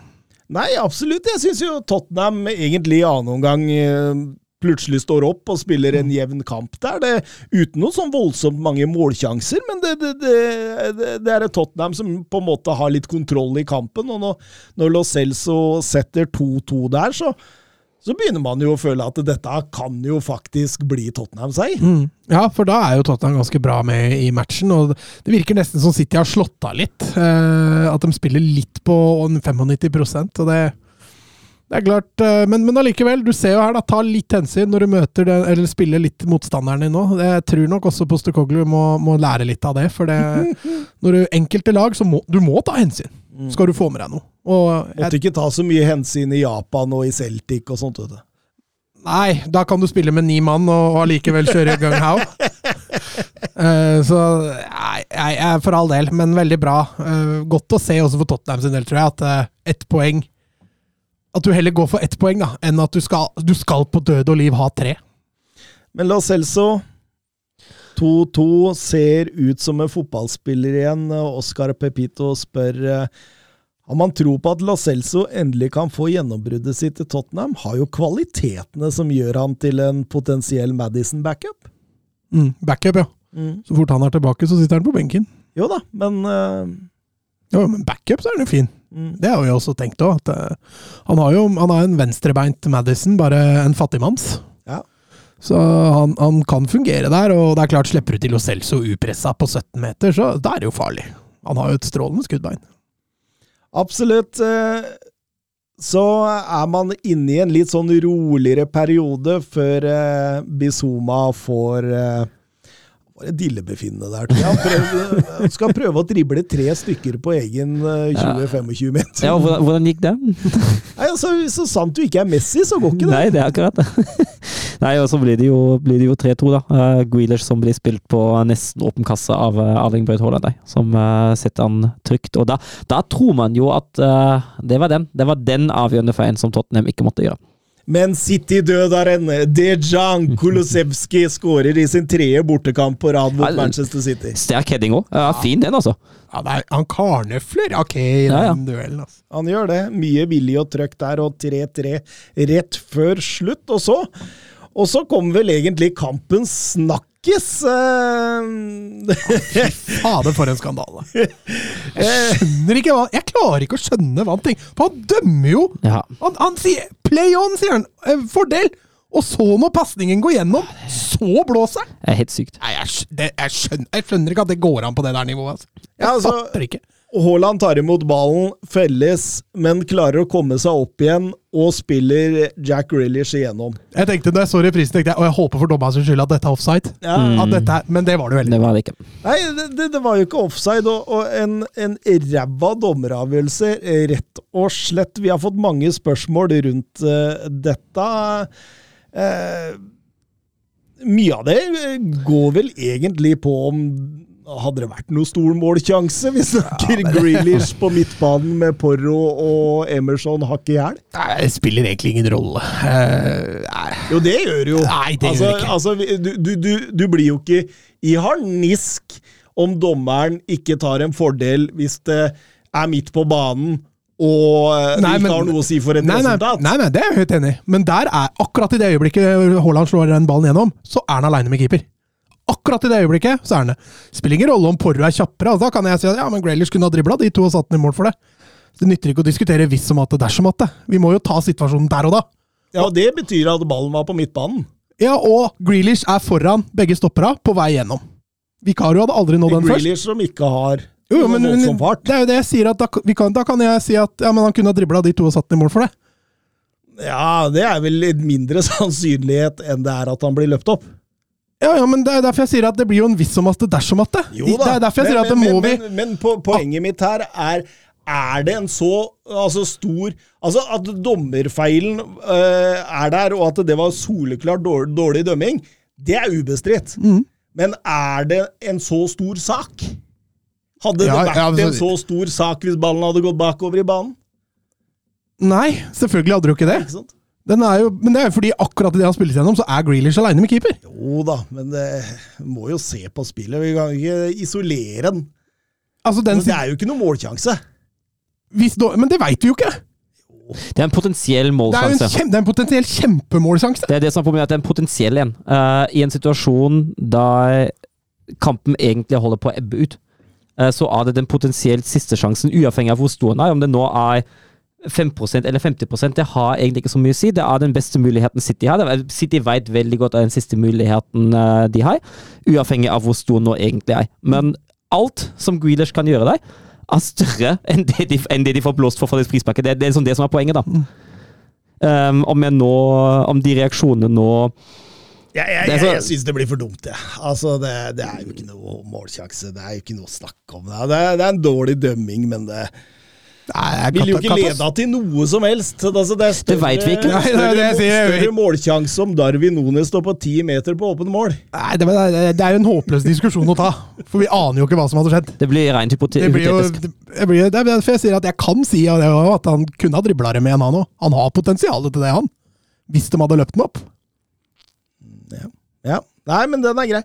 Eh, Men nå skal det jo sies at reaksjonene og oppførselen som City-spillerne viser mot dommeren det, det, det, det er jo nettopp det jeg er inne på, at Ja, men- det ser ut som de blir eh, fradømt et straffespark. Men altså, Et selv, hvis jeg har blitt fradømt straffespark, hadde, jeg- hadde, jeg- hadde jeg sittet her i dag og fordømt de reaksjonene der. For jeg, jeg hater det der. Jeg, jeg kritiserer det når Bruno Fernandes gjør det. Nå skal City-spillerne også kritiseres for akkurat den samme skitten. Jeg bryr meg ikke om det egentlig er en kjempesjanse, eller hva det nå er. Eh, Jeg kan forstå en del av frustrasjonen, for all del, jeg gjør det, men måten dommeren blir omringet, angrepet og skreket på, som man kan se av diverse bilder, eh, av kanskje særlig én spiller da, det, det, er, det er unevnbar kritikk, og det, det hører seg ikke. Det handlet om respekten for dommeren. Ja, han har gjort en feil, for all del. Vi veit ikke hva som hadde skjedd. Men uavhengig av hva som kunne ha skjedd, og hva som kanskje kunne ha skjedd, og ikke har skjedd, og gudene veit, syns jeg at måten City-spillerne oppfører seg i etterkant av en situasjon, det går ikke. Det er helt katastrofalt. Har vi sett Haaland mistre så mye før, spør Finn Jørgen Halvorsen. Eh, nei, det har man ikke. Men det, det er litt sånn jeg, liksom, jeg skjønner jo selvfølgelig hvor Søren skal hen. Samtidig så Altså, de vinnerskallene der, da, som, de føler jo de blir fratatt noe av en klar, åpen dommerfeil. da. Som jeg klarer ikke å se av hvorfor dommeren gjør som han gjør der. Um, Nei, det tror jeg ingen gjør. Nei, Nei, nei. Men det er, liksom, det er liksom det at han dømmer fordel, Ja. og så når ball, så går han til Det ser nesten ut som kampfiksing. Eh, uten at jeg skal påstå det. skal slenge det ut høyt. Du, du, du er for naiv til å tenke Ja, sånn. jeg er for naiv til å tenke sånn, det er riktig. Men uh, nei, se, jeg, jeg forstår den enorme frustrasjonen som kommer der, men at de ikke klarer å roe seg ned i løpet av noen sekunder, minutter, det er ting jeg ikke klarer å sette meg inn i. Jeg får Haaland uh, ja, Haaland mister du tror jeg fortsatt, jeg Ja, ja. fortsatt Men, er forbanna. men jeg, tror, jeg tror ikke han hadde mistet så hardt om han hadde skåra sjøl, for han vet veldig veldig godt at han har gjort sitt bidrag til at City kanskje ikke har vunnet denne kampen. Hadde det vært Haaland som var igjennom, og ikke Grealish der, da hadde det vært noe helt annen diskusjon, spør du meg. Men vi kan, vi kan ikke gjøre det avhengig av hvilken spiller som er gjennom eller ikke. Det, Nei, men dere er jo også enig i at eh, du Altså, hvis man fikk velge hvilken spiller Ja, man ville selvfølgelig hatt i den rollen selvfølgelig hadde jeg valgt Haaland først og fremst, for all del. eh, Og, og, så- altså, altså, er det, og, så er det- og så kan vi som sagt diskutere den situasjonen så, så mye som vi vil, men vi, kan, vi må også se situasjonen og reaksjonene løsrevet. Og man kan fint mene hva man vil om, eh, om situasjonen, men igjen, reaksjonene syns jeg er, er hakket for ille, altså. Eller flere hakk for ille. Ja, og Haaland på vei inn i garderoben der dytter til en Tottenham-innbytter også, en junior uh... Ja, nei, der veit jeg ikke. Jeg aner ikke hva jeg, men jeg så han, var, han gikk jo rett i garderoben der, og han hadde vært bortpå en av Tottenham på støtteapparatet der, og Guardiola måtte inn der og megle litt, og han, han også blei jo forbanna. Og, så nei, det bobla. Det brusa og bobla skikkelig på slutten der. Leste, det siste jeg leste der, var at det kan, kan få etterspill. Det kan bli suspensjon. Ja, ja, selvfølgelig. Og han gikk jo på sosiale medier etterpå. Det var vel det som var verst, at han gikk ut der og kritiserte avgjørelsen på Eller ikke kritiserte, han slang vel bare ut en video What the fuck, ja. What the fuck? Altså, så, var det jeg så, så at en som hadde sitert ham, som hadde satt seg slangt en femmer på flere spill på, på City Tottenham, og så gikk alt inn! Og så hadde han egentlig vunnet uh, pund, da. 455 pund. Om Haaland hadde fått én avslutning på mål. Og siterte holde med 'what the fuck', og posta bilde av det. Eh, Jakob Hoff, eh, Manchester City med tre strake uavgjort nå. Grunn til bekymring. Eh, virker ikke like solid defensivt lenger. Det så man også mot RB Leipzig i Champions League. Ja, jeg syns særlig kontradekningen uh, har blitt dårlig. Vi har vært litt så, så vidt innom på det i det forrige uka at uh, offensivt markerer kontradekning det, det, er ikke den sterkeste disiplinen til City. Uh, um, om dagen. Når det er sagt, da, uh, i den kampen her altså De får jo to mål mot Tottenham pga. dårlig offensiv markering. Uh, både, både 0-1 og 2-2 er jo fryktelig offensiv markering. Uh, når det er sagt, akkurat i den kampen her, så skårer jo Spurs tre mål ut ifra 0,43 XG. må jo ta det med, men jeg syns likevel han har et poeng at det er, det, er, et lite stykke å gå. I offensiv markering så har de et lag som skal være så offensivt som, som City. må er nødt til å ha det på plass. Og du ser um, Når han spiller med disse indreløperne sine som er så frie, da, spesielt Bernardo Silva, så kan man, hvis man mister ballen i feil del av angrepet, så blir det stor avstand til neste City-spiller. Man så det jo spesielt på 0-1-gålen til Tottenham der. Mm. Tar så vidt med før vi går over til La Liga at eh, Aston Villa klarte bare 2-2. Redda seg inn mot slutten eh, borte mot Bournemouth. Ja, borte, du sier det der. Mm. Eh, La Liga, eller? Oh. Assistència de Xavi més cap a la dreta per Messi, Messi, Messi, Messi, Messi, Messi, Messi, Messi, immens Messi, encara Messi, encara Messi, encara Messi, encara Messi, encara Messi, encara Messi, encara Messi, encara Messi, encara Messi, encara Messi, encara Messi, encara Messi, gol, gol, gol, gol, gol, gol, gol, gol, gol, gol, gol, gol, gol, gol, gol, gol, gol, gol, gol,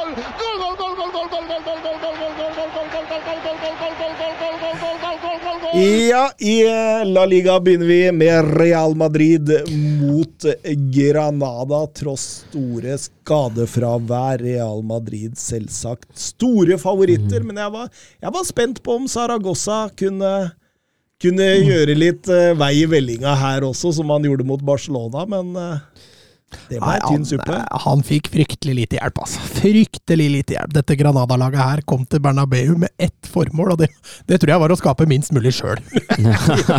det lyktes de godt med, da. Ja, de, de lyktes fryktelig godt med det. og og De skulle ligge og ta imot og ta imot og ta imot. Eh, Riktignok fint med, med, korte avstander, og sånn, men når det skal gå to diagonale løp, og det sprekker opp, så da blir det langt fram. Altså.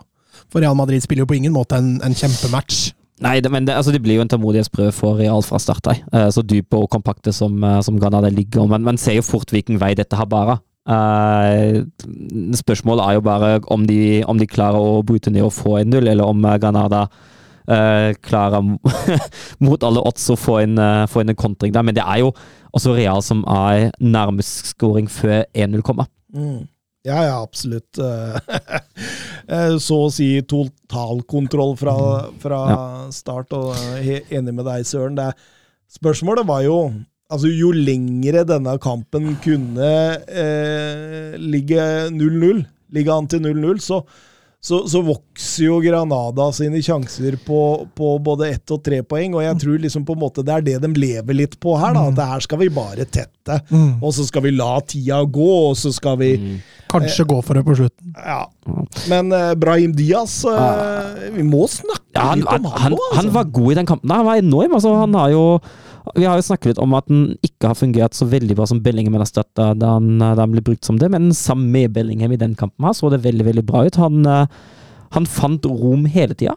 Mm. Uh, han var veldig delaktig i de aller fleste angrepene. Han var jo veldig nær en nydelig hala sisto uh, til nettopp Bellingham. Uh, synd at, nesten synd at Bellingham bomma der, altså. Mm.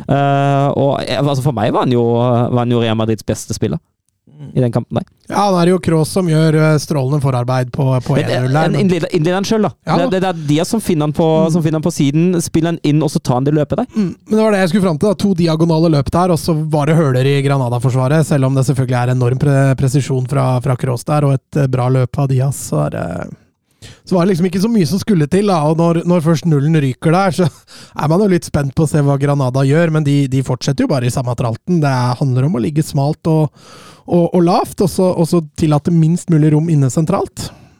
Og forsøke å irritere Jude Bellingham så mye som mulig. Mm. Men det virker jo bare å bli mer og mer taktikken til alle nå. Nå har de både han og Ja, nå var ikke Nitius med på denne, men det er liksom de to du må prøve å terge litt opp, da. Han var skikkelig forbanna der en periode. Ja, han var det. Uh, Fikk ikke noe gratis av dommeren. Nei, nei, nei, absolutt absolutt det ikke. har han ikke gjort så mye heller. Han må kjempe for hver millimeter, altså. Ja, ja, og han var jo altså bomma uvanlig mye i den kampen her, ja.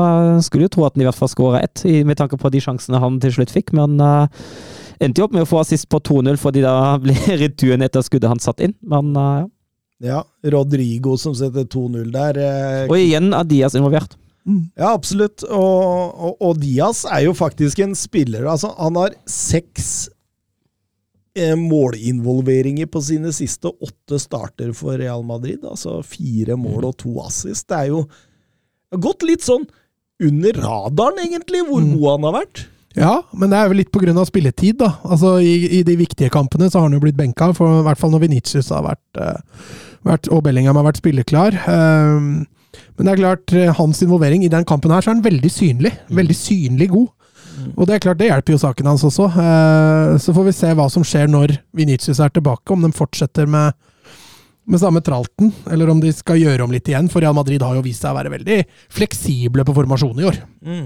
For å få inn flest mulig gode spillere i gode, i gode roller. Eh, Så det blir spennende å se. Men jeg jeg er litt redd at han havner på benken igjen når Venitius eh, er tilbake. Ja, en annen som kan få en annen rolle, er jo Rodrigo. Eh, Claes Grønlin spør er vi i ferd med å se et verdensklasse-gjennombrudd her. Altså Han tjener jo veldig på at han får spille i rollen til Venitius, da.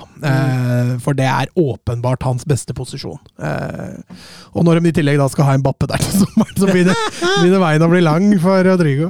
Eh, men eh, altså dette hvor han viser nå, da, det har han jo alltid hatt litt i seg. Spesielt i Champions League har vi jo sett litt av det. Eh, men så jeg tror så lenge han får lov å spille venstrekant, eller i hvert fall ut venstre, da, så tror jeg han kan blomstre i minst like stor grad som han gjør nå. For potensialet er jo skyhøyt.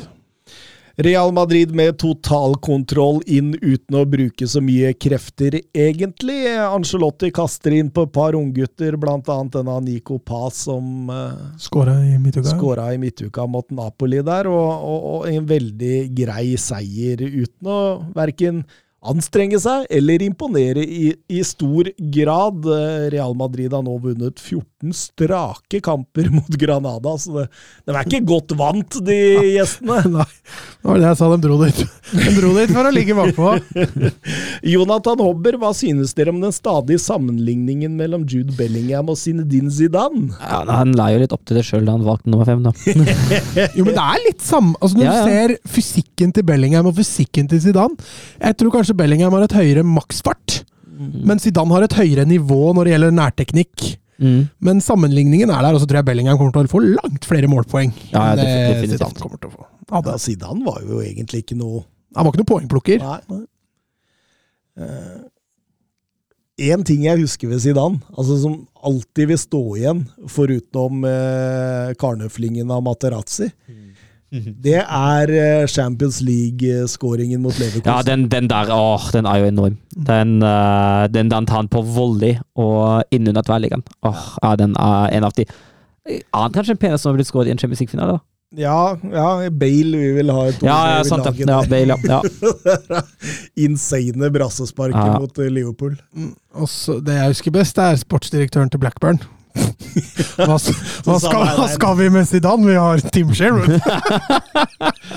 Det er vel eh, like bra som eh, når Hødd sa nei til Lewandowski på grunn av på grunn av at de ikke ville betale fly, flyreisa opp.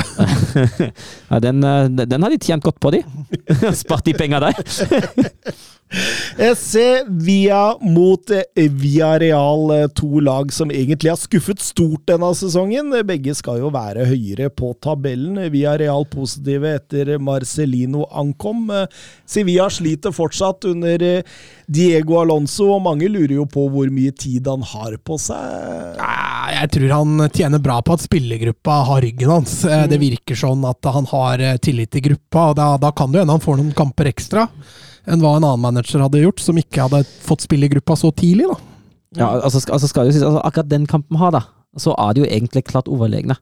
Selv om, eh, selv om det fortsatt ikke ender med seier. Men, uh, men det er liksom den manglende effektiviteten foran mål da, som, uh, som hindrer at Sevilla går ut med tre poeng. her. Ja, altså, de, altså Skuffa over Villarreal, hvordan Ja. de angriper denne kampen. Ja, her, men du altså. så debutkampen til Marcelino, og det var litt samme du, du, Defensivt så ligger du med en femmer bak, og du skal liksom trygge det defensive. da, Jeg er helt enig. Eh, Villarreal skal jo være et litt sånn offensivt, sprudlende lag.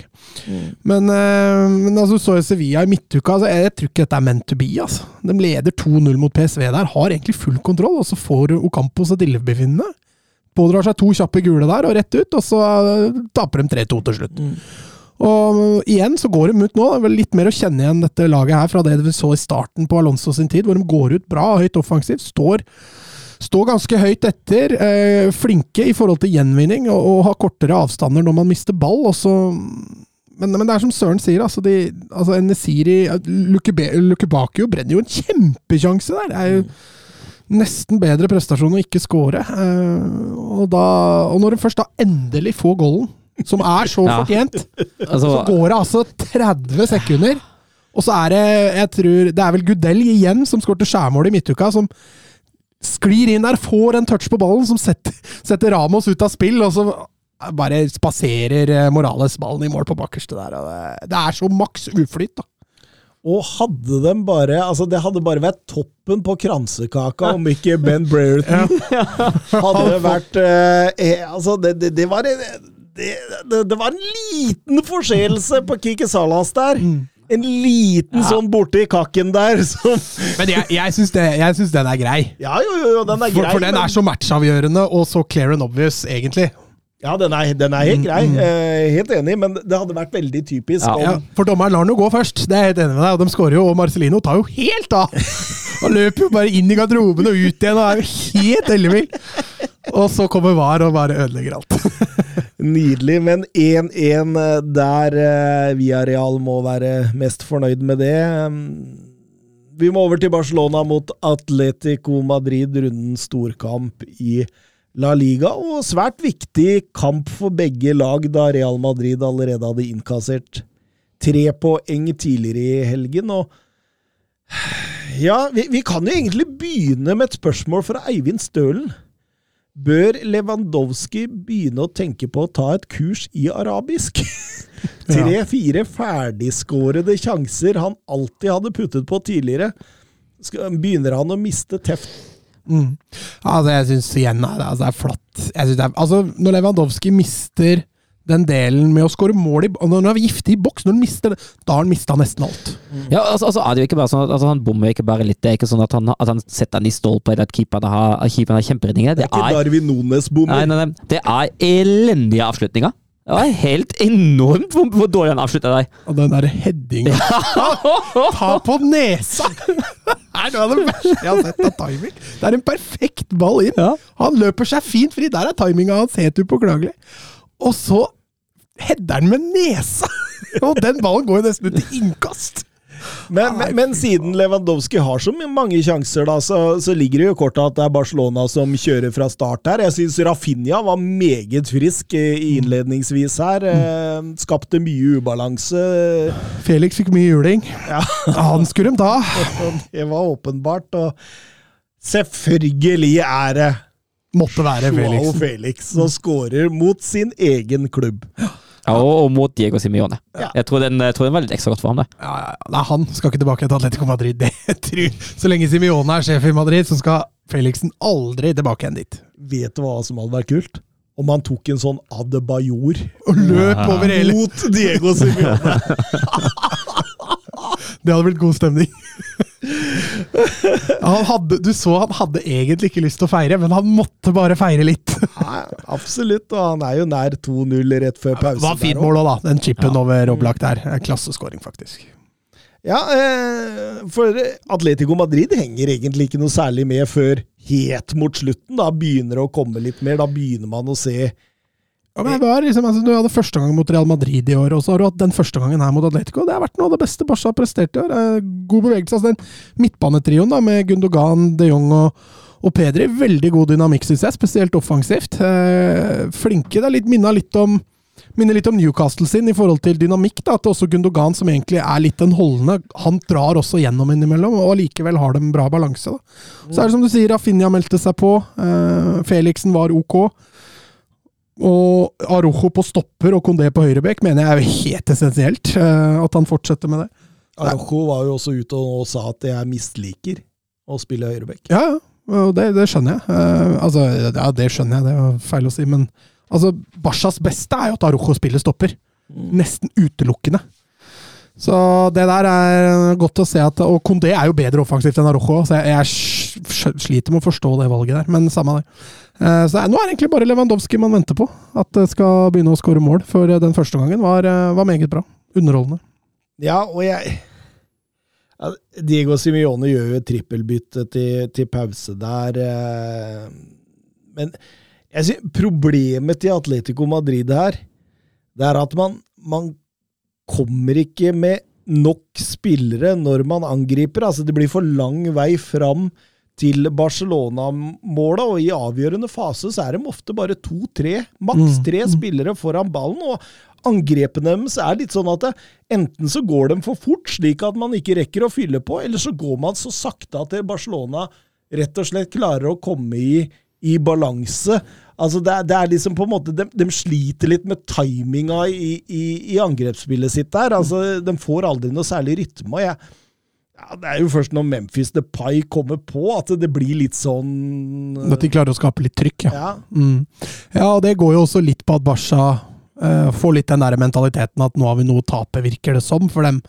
De er ikke lenger like trygge, de er ikke lenger like ivrige på å flytte laget he helt, helt fram. Og, og Atletico får liksom litt muligheten til å, til å etablere seg høyt. Da, og og Memphis er helt enig. Jeg synes han er bra. Mangler egentlig bare at han også scora mot tidligere lagkompiser der. og tatt en Adebayor. Det hadde også vært litt festlig, faktisk. Men, eh, men de, de greier jo Det er først helt på slutten der hvor Inyaki Penny har en, har en strålende redning. Eh, ellers så blir det liksom bare med det trykket, da. Mm. Eh, de har noen dødballer der som de ikke får avslutta. Sånne ting. Men eh, ja, igjen, Barca kan det egentlig takke seg litt sjøl at ikke de avgjør denne kampen i første omgang. Og Lewandowski skulle i hvert fall ha to skåringer. Barcelonas 15. 1-0-seier siden starten på forrige sesong. Ingen lag i topp fem-ligaene er i nærheten engang av å ha så mange 1-0-seiere. Dette er jo eh, Xavi masterclass. Ja, det er det. Altså, Han òg Allegri Nye Mourinho. Ja, han òg har de, de sitter sammen nå og koser seg, de òg. Litt sånn, sånn Sammen- Pep og Postekoglu. ja. Sammenlignende notater, det. Hatt Pep og Postekoglu og Xavi og Allegri i den firestjerners middag. Ja, ja, det, det er, men det er sånn gruppedans, så to og to, veit du. Ja, det hadde vært uh, artig. Eh, vi må ta med at Girona Comeback Kings. Christian Stuani. Når alle andre feiler, så er det denne 37 år gamle legenden som eh, ordner biffen for Girona og gjør at de henger med. Føler litt med Valencia der, som gjør, en, gjør nesten en feilfri kamp altså, i 70 minutter. Girona slipper ikke så mye til, eh, og, og Valencia greier å kontre inn 1-0 der ved, ved Hugo Duro. Og så er de kjempenære å kontre inn 2-0 rett før Girona skårer 1-1 der. Og da, når de først får 1-1, så får de jo med seg bra trøkk, eh, bra trøkk på tribunen der òg. Når de får 2-1, så eksploderer det jo. Og så skårer vi jo et fantastisk 3-1-mål som blir tatt på to millimeters! Så det var veldig synd ikke den uh, gikk nå, men uh, kanskje til syvende og sist fortjent at Girona vant, selv om jeg føler litt med Valencia der, som leverte en strålende bortekamp. Og når eh, både Sociedad og Betis også avgir poeng, da, så blir jo dette en, en gullrunde for, for Girona, rett og slett. Ja, eh, og nå ga jo Girona fra seg poeng forrige runde, da, så det var litt status, status quo igjen nå, i og med at de ga fra seg eh, poeng, og nå er det jo Plutselig Bilbao som er nærmest, eh, nærmest der. Men det er, det er altså ti poeng ned til, til Europa League, og, og, og det er vel 13 poeng ned utafor Europa. Så det begynner jo å lukte Europa av Girona nå, det gjør det. Ja, det har vært så gøy om det ble eh, Champions League. Jeg så et, så et uh, intervju med, med Deko her. Mm. Uh, et gammelt intervju, vel å bemerke, hvor han uh, Han hadde jo scota denne Savio.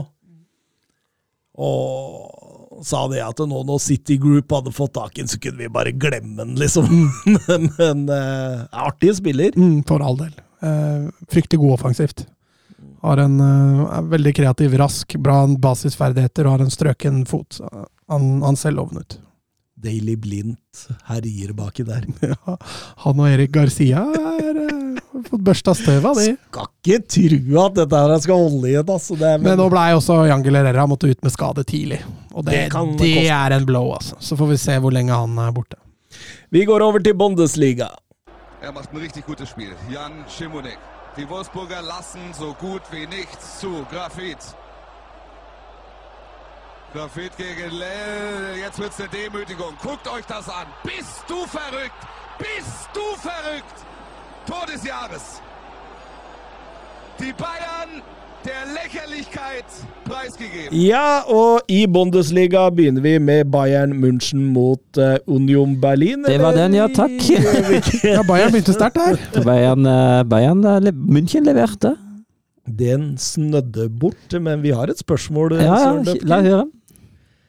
Eh, Daniel Ødegaard som spør er Bundesliga rett og slett for enkel for eh, Harry Kane. Ja, altså nå, nå, nå, ryktes det jo sterkt at Union Berlin hadde mobilisert dugnad for å skaffe snø fra Alpene inn i München for å unngå å møte Harry Kane, da.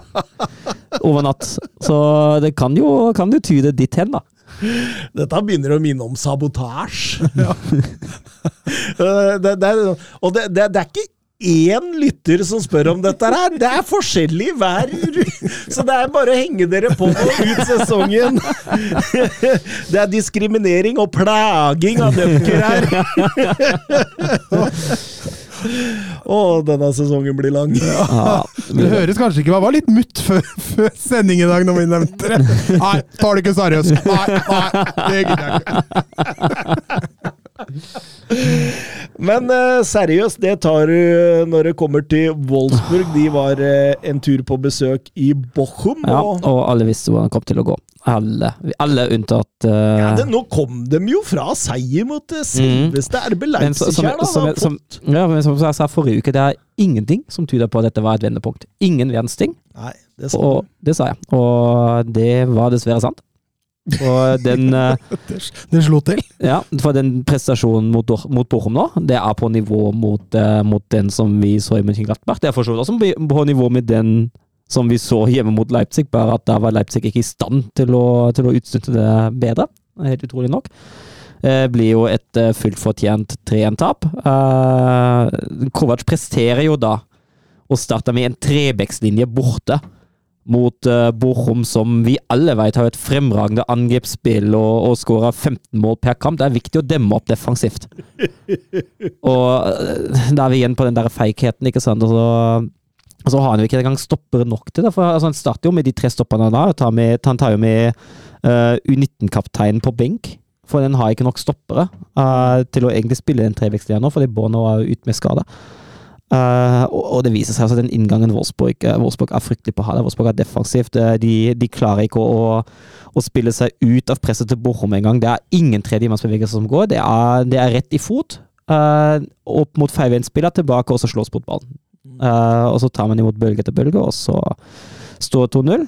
Uh, eneste positive med, med første omgang er jo at Svanberg setter, setter 2-1. Uh, men det, det, er ikke noe, det er ikke noe som skjer i andre omgang heller. Det er ikke noe at det, at det kommer en reaksjon, liksom, som med United. Det er ikke noe reaksjon, det er ingenting. Uh, det, er, det er for lite på alle nivåer. Altså, altså er det jo fantastisk når man, når, man, når man trenger mål bort mot Bochum, så tar man ut Lovro Maja. Han hadde ikke en god kamp, det, det er greit, men man tar da ut Lovro Maja og, og bytter inn Jannik hatt. Mm. Altså, Tar ut det eneste Yes. du har av kreativitet. Yes. Altså, altså Jannik er, altså, Ingenting mot Jannik er trofast, eh, trofast Wolfsburg-spilleren har sine kvaliteter, men Altså, da, da snakker vi litt sånn peak bondesliga gjennomsnitt som du kan få det, da. Jannicke hatt. Mm. Det er sånn, det er sånn der det er. Det er sånn, det er sånn Klink spiller på sånn lag rundt 9.-10.-plass fra start, altså.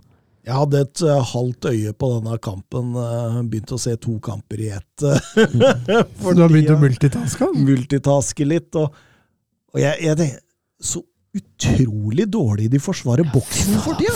Det, det, men det, det har det vært hele, hele sesongen nesten. Da. Altså, jeg husker ikke vi snakket mot Union Berlin og, og kritiserte at eh, Union kom jo egentlig bare med lange baller og innlegg, og så klarte, klarte Union likevel å, å skape fem-seks store sjanser etter innlegg fordi de ikke klarte å forsvare boksen sin. da. Mm. Det har, det har et sånn gjennomgangstema gjennom hele sesongen. Hvis du ser på, på offensiv samhandling òg, altså, den er fraværende. Det er sånn ett og ett løp. En og en spiller som prøver å bryte seg gjennom. Det er Hvis du ser på ballfører rundt boks i siste tredjedel eller før siste tredjedel, det er sånn Du har maks ett alternativ.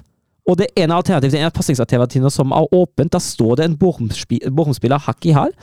Og, og da, da blir det vanskelig å skape noe voldsomt, altså. Mm. Hvis Wolfsburg ringer til deg i morgen og spør spør kan du ta over, hadde du svart ja? Jeg har jo ingenting der å gjøre. Ingen verdens ting. Så du har såpass selvinnsikt, altså? Ja, ja, ja, definitivt. Okay. Altså, jeg har, jo, jeg har jo ingen verdens ting Det å gjøre. Jeg vil jo at laget mitt skal gjøre det bra, så trolig hadde jeg ikke svart ja, nei.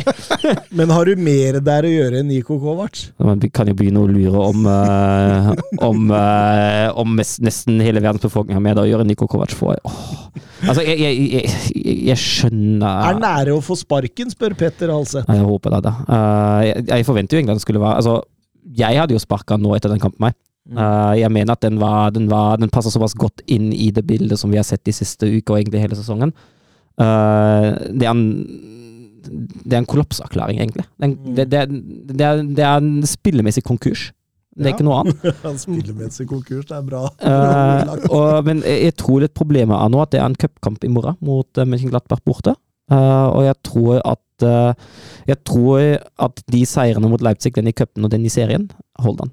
Og, eh, Og Seieren mot Gladbach i morgen gjør at han sitter sesongen ut for da. det, er, ja, det, det er liksom det derfor, nå sitter, Jeg føler at jeg sitter skikkelig i saksa. For cupen, altså sånn emosjonelt, fordi cupen i år Uh, Bayern er ute, Leipzig er ute. Det er to store kanoner igjen. Det er Leverkosen og Dortmund. Det er kun seks lag fra Bundesliga igjen, inkludert av Mönchenglattberg og Wolfsburg. Uh, så en seier mot, uh, mot Mönchenglattberg gjør det så Altså, man er jo ikke favoritt mot Dortmund og Leverkusen, men man kan jo ta dem i enkeltkamp, og det kan skje ting på veien. De kan jo ryke, de òg, for all del. Er det kvartfinale? Nei, det er åttedels. Uh, men, men en seier, seier mot Mönchenglattberg altså, Det har ikke vært så i anførselstegn enkelt å vinne cupen på lenge nå. Uh, så altså veit jeg ikke om jeg skal være Om jeg skal heie på at vi vinner den kampen og kommer oss videre i cupen og kanskje kommer nærmere et mulig trofé, eller om jeg skal bare ønske at ting er ferdig. For jeg, jeg, jeg begynner å nærme meg indifference også. Ta en eh, Daniel Levi og sparke Mourinho uka før cupfinalen. Det, det kan de jo gjøre med Kovac. Mm. Men altså, men altså det er Jeg, jeg skjønner altså det, det er sånn det som irriterer meg, da. at, Altså nå går sportsdirektøren Skinsilort, han som sitter undersjefer um, Han går nå ut etter kammeret. vi, vi skal finne ut av dette her sammen. Vi har ikke noe trenerdiskusjon og bla, bla, bla. Uh, man må Altså, de når, når, vi er, når vi har dårlige kamper, og så ser man sånn Altså, Mönchenglattberg her, men første 15 i hver omgang var da ikke så ille. Og så finner man sånne gode perioder til å kunne støtte seg videre på det. ikke sant da? Og så spiller man bare ræl mot både Leipzig og Bochum, men da, da får man en seier, da. Mm. Og så teller plutselig ikke det spillemessige heller lenger. Man får en seier, og så ser man ikke bak resultatet. Og, og Nei, og dette har vi snakka mye Ja. om denne Ja. sesongen. Og- hvordan, hvordan man på en måte kan vurdere ting og, og se det, seg blind og det, det, jeg sliter litt med nå, da, altså mot Mönchenglattberg, da ryker trolig den letteste veien inn til Europa i morgen. Eh, så er det Freiburg og Darmstadt før man møter Bayern uh, i den siste kampen ved vinterpausen. Og jeg er stygt redd for at hele sesongen først må kjøres i grøfta, med tap i Mönchenglattberg og tap i Freiburg, for da er Europa langt, langt, langt, langt unna. Og at man først tar grep, da. Eh, jeg mistenker at vi taper mot Mönchenglattberg, jeg mistenker at vi taper mot Freiburg, og jeg mistenker at det er slutt. Men da er, da er sesongen ødelagt, og det kommer minst en uke for seint. Men egentlig bør man jo ha tatt grep i landslagspressen. Det, det er så frustrerende å se på utsida, fordi altså nå, alle har jo skjønt at dette har bare ingen vei. Han er jo dead man walking. Han kommer ikke til å sitte ut sesongen. Han, han kommer til å få fuken før den sesongen er slutt. Men øh, bare, bare få det overstått, og prøv å redde stumpen i den sesongen her, altså så lenge det fortsatt er noe å redde. Altså. Eivind Stølen. Hva er mest frustrerende for Søren? Laget i hans hjerte, eller Viaplays fraværende dekning av tysk fotball? En close call, men akkurat nå det, akkurat nå det laget mitt hjerte. Men, altså, men det er jo De viste jo, de viste jo andre Bundesliga òg. Og i hvert fall på, på de to på fredag, Schalke mot Osnabrück og St. Paul i Hamburg. By- Byderbyet, toppkampen første mot andreplassen i andre Bundesliga. Altså, De hadde ikke kommentator, det, det er greit. Jeg kan fint kose meg med en kamp med, med stadionlyd, men de hadde ikke De, hadde ikke, de viste ikke tid eller stilling heller. Det var ingenting, og det er Nei, det, det er Frispillinga til Hamburg der, da. du tenker på Daniel Oya Fernandes? Årets sjølmål!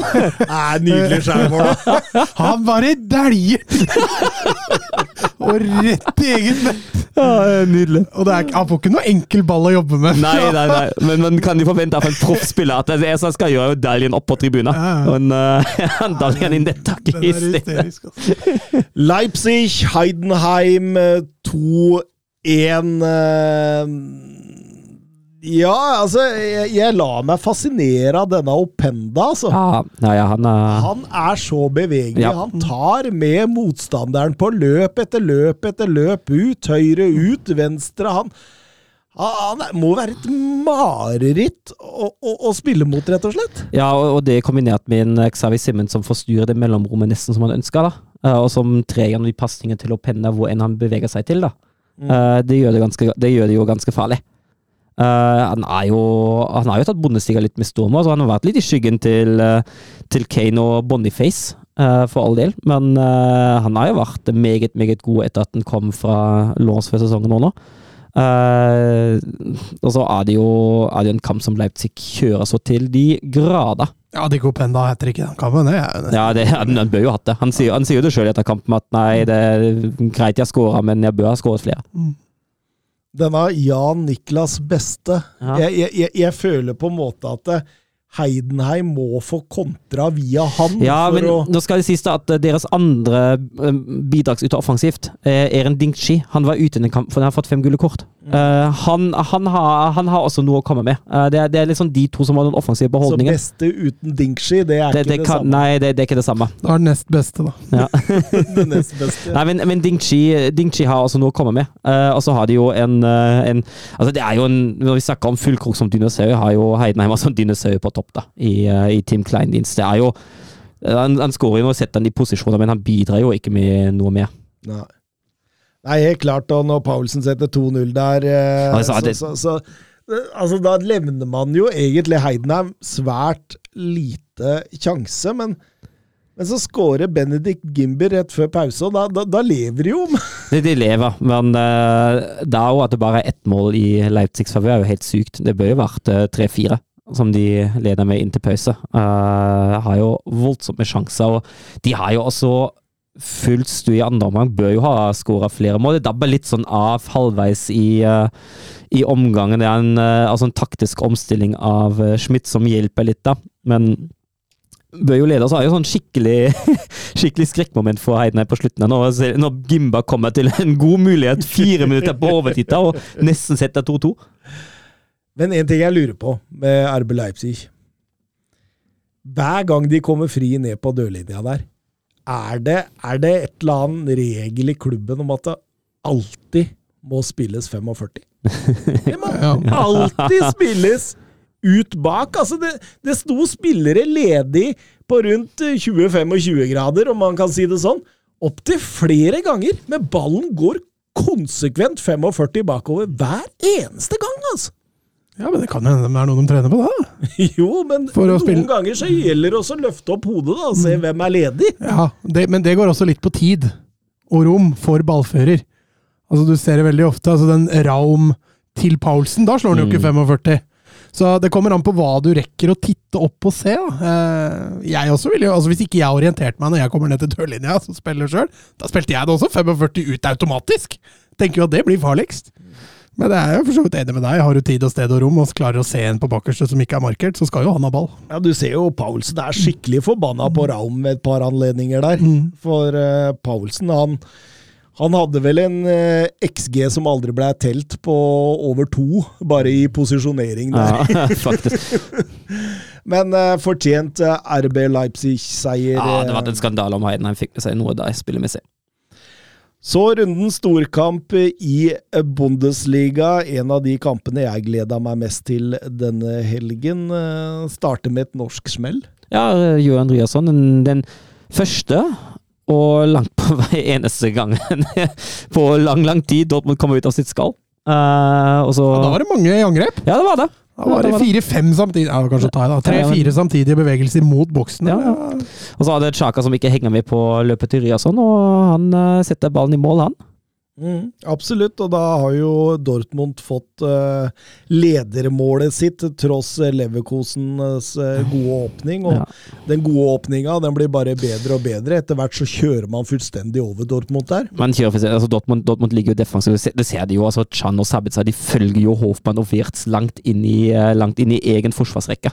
Uh, sier jo alt, og den smale trelinja da, som egentlig bare skal demme opp til at Chaka og Palacios ikke får ballen og ikke forstyrrer så mye sentralt.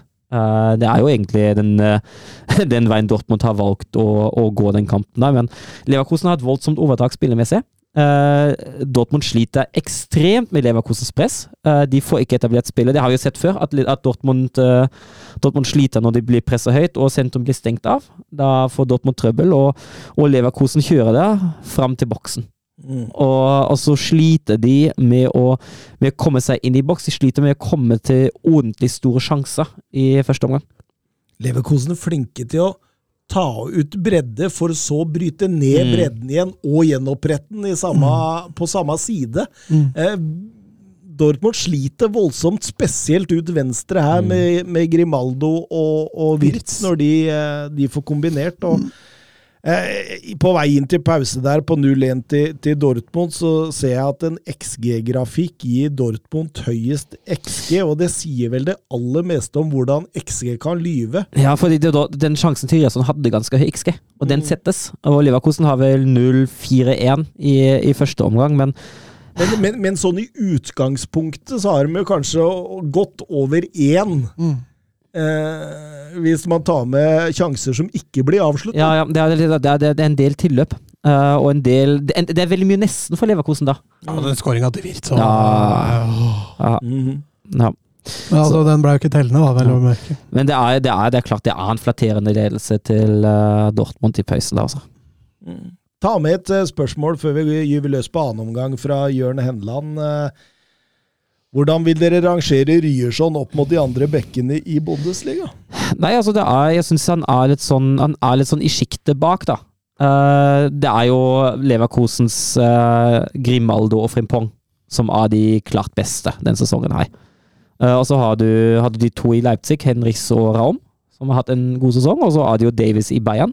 Og så syns jeg Ryerson ligger litt, ligger litt sånn i det sjiktet med Kadejabek og, og Joakim Mæhle.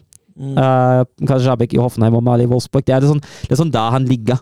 Uh, synes jeg Han har blitt uh, mye bedre offensivt denne sesongen. her Jeg synes ikke han har hatt så mange Eller jeg mener ikke å huske at han har hatt så mange offensive bidrag i riktignok Union Berlin før, da. Uh, men han har, han har kommet litt bedre til sin rett eh, offensivt, og han er jo ofte stabilt defensivt. Eh, selv om han, har- han har fortsatt han har fortsatt noen blemmer der, altså. Men eh, han, er, han er en solid back med, med brukbare offensive bidrag, og så er det veldig verdifullt at han kan spille på begge. At han kan spille både venstre og høyre. Ja, for Jeg skjønner hvorfor spørsmålet kommer nå, Mats. Fordi eh, han er vel kanskje eh, Dortmunds Ja, han er Dortmunds beste i denne kampen. Ja. Kanskje en av banens beste. Ja, ja, men du ser også framgangen hans på landslaget. Altså Gått fra å være backupen til Holmgren til å være klart førstevalg på høyrebekk, og, og prestere bra der òg. Men du ser også i Dortmund, som Søren er innpå, altså bidragene hans offensivt blir jo bare mer og mer. Den skåringa han hadde tidligere, var det Bremen? Hvor han dribla seg gjennom der. Mm. så han, han kommer også Nei, det var, det var, det var Hoffenheim. Hoffenheim var det. Eh, Så bidragene hans offensivt også blir jo bare mer og mer synlige. Altså. Men, men det er som Søren sier, det, kanskje den største attributten hans er at han er like god på høyre som på venstre. Selv om du ser han er høyrebeint når han spiller venstre, da, det skal sies. Men Leverkosen kjører god angrepsfotball, flytende, gode bevegelser. Ballen går på ett og to touch. Det, det er motsatte bevegelser. Men den siste pasningen, den Ja. hjemsøker dem, altså. Ja, og hele kampen. Altså, det er, det er så mye nesten. Uh, og det er, det er så mye tilløp til eh, virkelig gode muligheter, og så er det den, den ene deg. Uh, men jeg syns jo Xavier Alonso tar de riktige grepene, da. Eh, altså, Adli er jo, er jo bra når han kommer inn for all del, men, men det, det at han bytter inn skikk uh, og, og nøster litt opp og, og skaper litt mer trøkk i boks og skaper litt flere alternativer til nettopp den der siste pasninga. det er et godt grip, og de, de gir jo umiddelbar uttelling også. De gjør det fordi Kosono med sine fantastiske klyv Er verdens best- ja, beste spiller. Altså, han er både offensivt og defensivt. Han har vært enorm i den kampen der. Finner skikk i boks der som eh, Ja, sted- ja, ja. Verdens snilleste mann, istedenfor å, å gå på avslutning. Noe han også fint kunne gjort i den situasjonen. Selv om han er veldig skrå, så velger han å legge ballen på tvers der, som jeg tror også setter Dortmund-forsvaret litt ut. Mm. Boniface er jo klink aleine på bakerste. Ja, veldig viktig for Leverkusen å få i gang skikk. Nå fikk han, uh, fikk han sitt comeback i uh, Europaligaen mot uh, Hekken og, og skåra der. Uh, han fikk en assist nå tilbake i Bundesliga. Boniface skal jo til Afrikacup i, i januar. Uh, virket også litt som at han, han så, altså Nå skårer han jo både mot Hekken og Dortmund igjen, men i de siste kampene før det så litt ut som at han kanskje hadde litt godt av en pause. Det virker litt som at han, han var litt sånn i, i dalende form. Fint at han slår tilbake med to skåringer nå, men uh, helt klart veldig verdifullt for Leverkusen å ha spissalternativet klart igjen når Boniface skal ut på landslagsopptak. Helt klart, og selv om de ikke får avgjort det i denne matchen, de var jo soleklart det beste laget. Ja, helt klart det hadde vært, eh, hadde vært fullt fortjent om de tok alle tre poeng her. Bernt Olav Gjellegjerde Hansen eh, veit han er Dortmund-fan. eh, skriver at Leverkosen imponerte meg voldsomt. Føler nesten toppnivået de viser er høyere enn Bayern München sitt toppnivå, men at Bayern München utligner det gjennom Kane og Sané. Ja, altså han, er jo, han er jo absolutt inne på noe, men øh, jeg syns jo nesten at bunnivået til Leverkusen er høyere enn Bayerns. Mm. Mer Eh, solide. Som er solide, ja. ja også, også, Særlig hvis jeg tenker litt tilbake til den eh, kampen Bayern hadde i Dortmund òg. Altså, det var jo voldsomt. Det var jo ikke bare Kane og, Kane og Sané. Det var jo et, det var en laginnsats og et lag som leverte på alle øverste hylle der. Uh, Utviklinga til, uh, til Bayern har vært bra. Uh, Ut ifra første runde og videre syns det har vært en kontinuerlig utvikling den sesongen. Det har vært noen tilbakeslag, riktignok, som uh, Mest famøs er jo kanskje pokaltapet i Saarbrücken uh, mot nivå 3, men der ser vi igjen bunnivået, ikke sant? Mm. Um, men, men jeg skjønner veldig godt hva han mener, for når du ser på leverkosten, det er som du sier, det er så flytende, det er så samspilt, det er så samstemt. Det er et lag, og man har litt sånn det inntrykket av at når du tar ut når du tar ut et brikke av det laget og bytter inn et annet, at det går likevel kjempebra. Mm. Eh, at det ikke henger så mye på enkeltspillere. og Jeg skjønner, skjønner godt hva han mener, at man har litt inntrykk av at det henger litt mer på enkeltspillerne i Bayern. For hvis, hvis alt går, hvis alt går skeis, da, i, i Bayern, så dukker da enten en Kane eller en Sané opp og fikser biffen for dem likevel. Det er synd for Manchester United at Xabi Alonso har Liverpool-følelser. Ja, for det var go to, ja. Tror du han hadde dratt til United Nei, jeg tror ikke det. nå, liksom? Nei, jeg tror ikke det. Nei, det, er- altså, det er en mann som, som etter sigende har fått utkjøpsklausul for de tre klubber i hans hjerte. Liverpool, Bayern og Real. Mm. Mm. Eh, Stuttgart, eh, Werder Bremen eh, 2-0. Eh, Gyrasi har fått seg en målskårerkompis. Ja, så da. Dennis Rondaf, begge to skåra ett mål, og Stuttgart har fullstendig kontroll på den kampen. men Bremen er ikke i nærheten, og det er en ekstremt fortjent seier som Stuttgart tar der. Ondav og, og Gurasi har stått for 24 av 33 Stuttgart-mål denne sesongen. Og, og Gurasi han skårer i sin sjette strake hjemmekamp. Sist Stuttgart-spiller som gjorde det, var Mario Gomez. ah, Du setter ikke fast han! Nei, det, det går ikke an. Det går ikke an. Åssen sesong da? Det må ha vært 08-09. Å, 07-08. Ah, nesten. Bra, Thomas! Kan du gi deg en klapp på skulderen, faktisk? Vi går over til Serie A. che era il marcatore di Cannavaro. Palla tagliata, messa fuori, c'è Pirlo, Pirlo, Pirlo, ancora Pirlo di tacco, tiro, gol! Grosso, grosso, gol! Gol di Grosso, gol di Grosso! Yes, vi begynner med Monza mot Juventus. Eh, Juventus tapte begge Serie A-oppgjørene mot Monza sist sesong, og ja Vi venta vel at det var Monza som skulle styre spillet, og Juventus som skulle kontre her. Ja, og det skjedde jo ikke helt. Jeg syns Juventus eh, er ganske friske og offensive, ut fra start i hvert fall. Eh, Juventus som, eh, som får en ganske tidlig ledelse der, etter, eh, etter en kjempebom. Ja, det, du, tenker på, du tenker på straffen.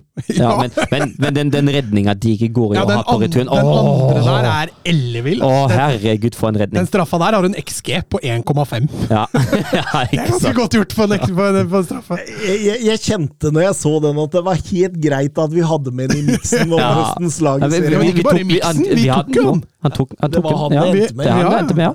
Ja, fullt fortjent. For, men for, for en redning. Altså, nesten synd at den er forgjeves fordi Rabiot stenger inn eh, stanger inn 1-0 på påfølgende kona.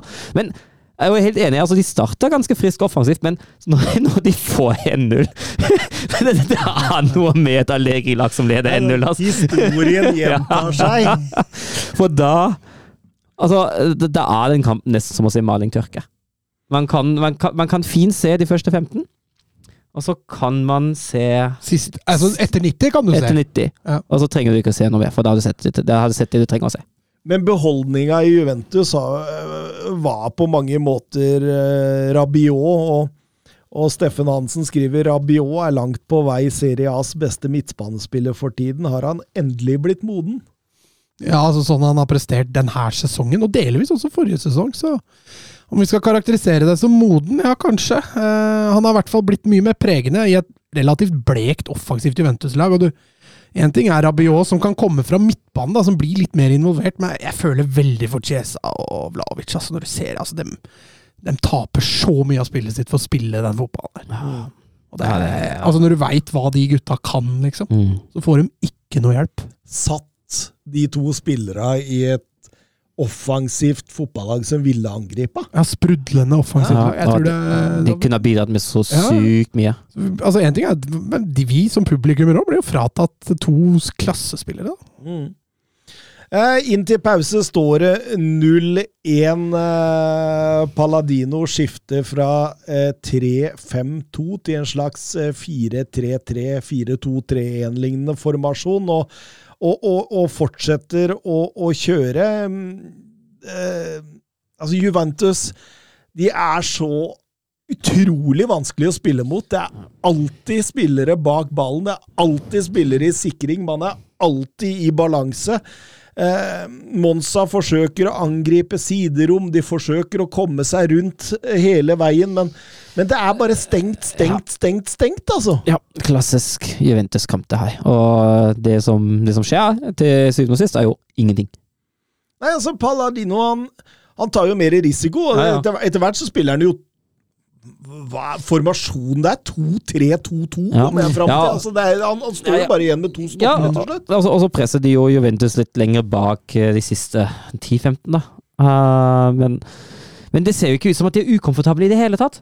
Altså, det, det, det, er, det, er litt sånn, litt sånn full kontroll. og Altså, så skårer de riktignok på overtid, men det er, sånn, altså det er ikke en sånn scoring der Juventus blir brutt ned heller. Nei, Det er sånn, sånn innlegg fra halvrommet som bare går forbi alt og alle og, og ender inn i lengste. Stensny må ta hensyn til Ja. Der, og da blir han stående for lenge, og så glir ballen i lengste. Ja. Det er en sånn klassisk Ja, ja. Det, det altså, du kan ikke laste den for det, for det heller, for han må jo faktisk se hvor ballen havner. Mm. Ser bare dumt ut, det. Og da tror man jo endelig at Juventus blir straffa Mm. for denne kyniske drittfotballen til Allegri. Men nei da. Nei da.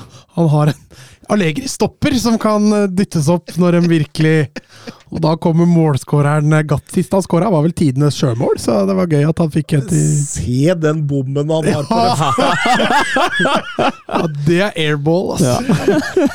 Men får jo en ny sjanse og banker den inn fra fem meter, da, og da Nei, da kommer ikke Monza tilbake, selv om eh, Carboni hadde et eh, godt forsøk til fra Mm. distanse der. Så, så, så tar Juventus tre nye poeng, og er jo blitt Inters argeste konkurrent oppi der, da.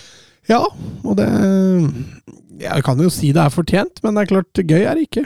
Gøy er det ikke. Da er det mer gøy med Milan for tida. Vi snakket i forrige episode at eh, folk må se litt mer Frosinone, først og fremst pga. den offensive treeren. Eh, Arjon Ibrahimovic eh, Reinier, som ikke er en Reinier, men en, en mer tier, og, og Mathias Solé, som jeg så nå var Newcastle-aktuell. Eh, men eh, det, det fungerer ikke voldsomt bra offensivt for Frosinone i denne kampen. Nei, den kampen her var eh, tynn suppe offensivt. De skaper jo knapt nok noen ting i løpet av Og det til tross for at Tomori gjør så godt han kan for, å- for, for å gi dem noen sjanser og, og mål, men eh, Altså, når Jovic først setter 1-0 der rett før pause, så Ja. Du sitter jo like da med en følelse av at da er det her må å finne på noe, ellers så går det ikke. Nei, så har jeg valgt en, en, litt- en heller defensiv inngang i den kampen da, jo. Uh, så da blir det jo det blir litt som det blir. og Holder jo Milan godt unna det før 1-0. Det er ikke sånn at Milan har mange kjempesjanser der, eh, men det er jo likevel fortjent når de går opp. Mm. Ja, for det, der er jeg enig med deg, Søren. At det, det, er, det er egentlig Milan Stort sett alt de får til offensivt, det er Christian Pulisic som står Mm. Og den 2-0-skåringa, det, første- det mottaket han har der, det er ellevilt, altså. Ja. Det er helt nydelig. Altså det, det, det er ikke bare det, kan, det klarer du ikke på Altså Om du gjør det fire-fem ganger, du klarer kanskje én gang Mm. når du er en klassespiller. Ja, og ikke, minst også når han da fosser fram mot keeper der mm. og, og, og, og får press på seg og har likevel is nok til å holde, holde, holde, holde, og så finne en, en, en åpning der og skippe en fint. Det er et meget, meget bra mål. Mm. Og da, da har jo Milan langt på vei avgjort det, med to mål på syv minutter, selv om det er en pause imellom. Ja, Wamanya-assist der. Han har vel én eller to hver sesong. Mm. Ja, men han, har, han har sånn dælj i beinet. Den ballen går så inn i helsike langt. Og, men det er liksom så, det er noe estetisk vakkert da med det mottaket til Pulisic der. Altså han, altså han får den perfekt, demper den perfekt inn i løpsretningen uten å måtte tape noe fart. Og ballen drar ikke langt av gårde heller, så han kan bare opprettholde og føre ballen i høy fart. Det er klassemottak, altså. Ja, absolutt. Og selv om eh, Tomori setter 3-0, Brecciani eh, skaffer et trøstemål, eh, Milan har eh, god kontroll på dette. og Litt gøy at eh, Camarda, denne 15-åringen, kommer inn mot slutten igjen. og det, det, det er sånn som gleder i hvert fall mitt fotballhjerte. Eh, så var det storkamp. Ja, Napoli mot Inter. Ja, eh, Mazzarri slo Atalanta i sin debut, hang lenge med i Real Madrid, og det har vært en helt god OK-åpning, men eh, Ja, de, Han produserer jo noe der. Kvaratskhelia byr jo opp til dans, han. Men uh, Politano har vel en i tverrleggeren der fra langt hold. den er, eh. den er, den er eh, trøkk i. Ja, den er bra, den. Eh, og så Men altså, det Shalanoglu gjør på 1-0, er det Jeg, jeg veit ikke. Jeg tror kanskje Saboslai, men det er ikke så mange som gjør det der med den teknikken der. Hvor du ser liksom ballen går litt sånn sakte ut fra foten, og så skyter ballen fart. Så nei, det er en enorm skuddteknikk, altså. Ja, for fram til eh, 0-1-skåringen så har det jo vært en jevn kamp hvor, Ja, ja. hvor lagene bytter egentlig Ja. litt på å ha initiativet. Ja, og, og egentlig en stikk motsetning av den kampen vi har sett fra Inter forrige, forrige uke, den toppkampen de hadde mot Juventus der, for det var egentlig et langt, stort gjesp. Jeg har jo, har jo to lag som faktisk vil opp og fram og, og skape litt og, og prøve å spille fotball, og til tider også varte opp med, med fine og brukbare angrep, da. Um, men det, det er en litt, litt mer åpen kamp. Uh, og, og det er kanskje Napoli som har hatt de største sjansene for 1-0. Uh, men så er det Milan som eh, Nei, unnskyld, Inta som, uh, som går opp, og så, og så går de jo sin vei, da. Men Mazzari sier før kampen at, uh, at Oshimen ikke tåler 90, og at han var, velger å bruke en Velger å bruke han fra start istedenfor at han skal komme inn, på en måte, og, og var, var det et feilvalg, eller? Han var jo Han, han blei bare mer og mer synlig utover i kampen, han. Eh, så med tanke på hvordan kampbildet blei, så er det jo lett å si i ettertid at eh, ja, det var kanskje feil. Men det er jo nesten umulig å vite på forhånd, og du vil jo gjerne ha de beste spillerne dine på banen når kampen starter. og jeg kan forstå valget, at han, han velger å starte den der. eh, så, men da veit du at du er forplikta til å bytte den ut. Da, da, da kommer en dårligere spiller inn eh, når kampene gjerne skal avgjøres. da. Ja, og så er det jo og så er det jo en fire-fem minutter der eh, i annen omgang hvor det på langt på vei avgjøres, for Kvarasjkela er ekstremt nær 1-1 der. Eh, passerer Dumfries på utsiden der og banker til, men, men Sommer gjør en strålende redning. Og så tar det bare noen minutter før Barella kjører slalåm og, og, og, og setter der, 0-2. den første Ja. touchen han har, Ja. den er eh, Det er sånn Jack Wilshere-touch. Ja. Husker du den der mot Norwich? Altså Han tar den, han tar den rett før motstanderen kommer inn der. Perfekt vekta første touch, som gjør at motstanderen som kommer mot deg, er i tvil. Skal jeg gå fram? Skal jeg falle av? Og så ender han med å gå fram. Da er det bare forbi neste, og så setter jeg da tre fantastiske touch, faktisk. Ja, helt nydelig. For, en, uh, fantastisk, for, for noen fantastiske skåringer jeg har fått den helga her, altså. Ja, absolutt. absolutt. Og, og, Barella den står ikke tilbake for veldig mye. og Da forsvinner mye av piffen mm. i, i, Napoli. Inter får veldig god kontroll der, og, og, og Tyram han prikker inn 3-0 mot slutten der, og da da, da, ser det jo Altså, en ganske jevn kamp ser Skeiv ut. Ja, ser litt mm. stygg ut, rett og slett, for, for Masari. Og, og, ehm, og det, det, Man må tilbake til 1977, sist Inter vant med tre måls margin borte mot, uh, mot Napoli. Og Napoli har tapt uh, fire av sine første sju hjemme denne sesongen. Det er tall man må tilbake til 97-98-sesongen for å finne maken, og 54-55 før det. Så det, eh, det, det kladde litt hjemme på Maradona. Eh, Vebjørn Fredheim, i frykt for at Mazzarri skulle si noe dumt på pressekonferansen etter kampen, sendte Napoli sportsdirektøren som svarte etter en håndbok laget for idrettsutøvere og trenere som ikke skal pådra seg unødvendig karantene. Tror dere dette kan bli en trend? Fordi han var jo litt forbanna der. Han mente at på 1-0-skåringen til, eh, Inter skulle det vært avblåst i forkant, og han ønska et straffespark. Til Ossimen, ja. ja. ja. ja. Nei, jeg, vet, altså, jeg håper ikke at de gjør det, for da blir han fra Altså man blir jo frarøvet noen gullkorn. Det er jo innimellom noe fryktelig underholdende som, som kommer ut av frustrerte trenere på pressekonferanser. Uh, og så tror jeg ikke at altså, jeg tror ikke at managere som, som Klopp, Guardiola, Mourinho uh, etc. Et kommer til å Mourinho? Drar du inn han ja, jo, jo, men fordi Mourinho er jo altså Mourinho er jo en manager som har lyst til å styre ja, så mye sånn, ja. som mulig av ja. kontakt med mediene sjøl. Mm. Han kommer ikke til å sende noen andre til å svare for ham. Det er ikke, det ikke Mourinho-style i det hele tatt. Da er jeg enig. Da er jeg enig. Men jeg er, ikke, jeg er, ikke, helt sikker på mekanismene i Serie A. Men, men jeg tror i medieavtalen til Premier League at uh, det er sånn at managere skal møte på den ja, pressekonferansen. I, i, I Tyskland er det veldig samme. Uh, det er jo sånn, hvis, hvis, du er Det var vel uh, Var det Ole Werner i Bremen? Jeg, jeg tror det var Ole Werner i Bremen som var syk forrige runde. Eh, og der var det assistenten som tok over. Det var bare tilgjengelig til kampen, og så tok assistenten over mediehåndteringen. Men det, det, er ikke særlig vanlig. Det er, det er, som regel trenerne uh, som dukker opp i Bundesliga. Roma-lagene Lazio og Roma vinner hver sin kamp. Lazio 1-0 mot Cagliari og Roma 1-2 borte mot uh, Sassolo. Nok en gang avgjør Roma det helt mot slutten. Det har blitt en tendens, dette.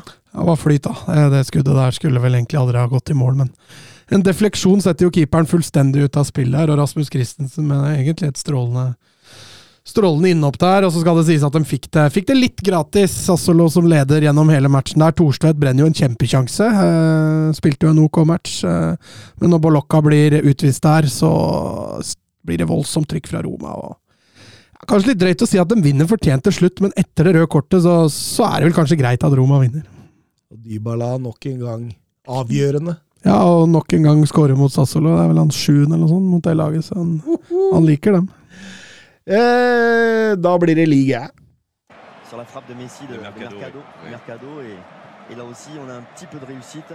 Griezmann sur l'appui, c'était bien joué avec Giroud. Oh, Sylvain, oh, Sylvain, il l'a vu oui. Kylian Mbappé ouais Kylian Mbappé, il l'a vu Ça fait 4 et ça fait peut-être un quart de finale pour l'équipe de France 68e minute Oh, la joie collective parce qu'ils ont tous jailli du banc pour aller saluer cette passe décisive géniale de Giroud et ce doublé pour Kylian Yes, og vi begynner selvsagt eh, med PSGs borteoppgjør mm, i Normandie mot eh, Le Havre. og eh, Det er jo ti voldsomt tøffe minutter for eh, PSG innledningsvis her.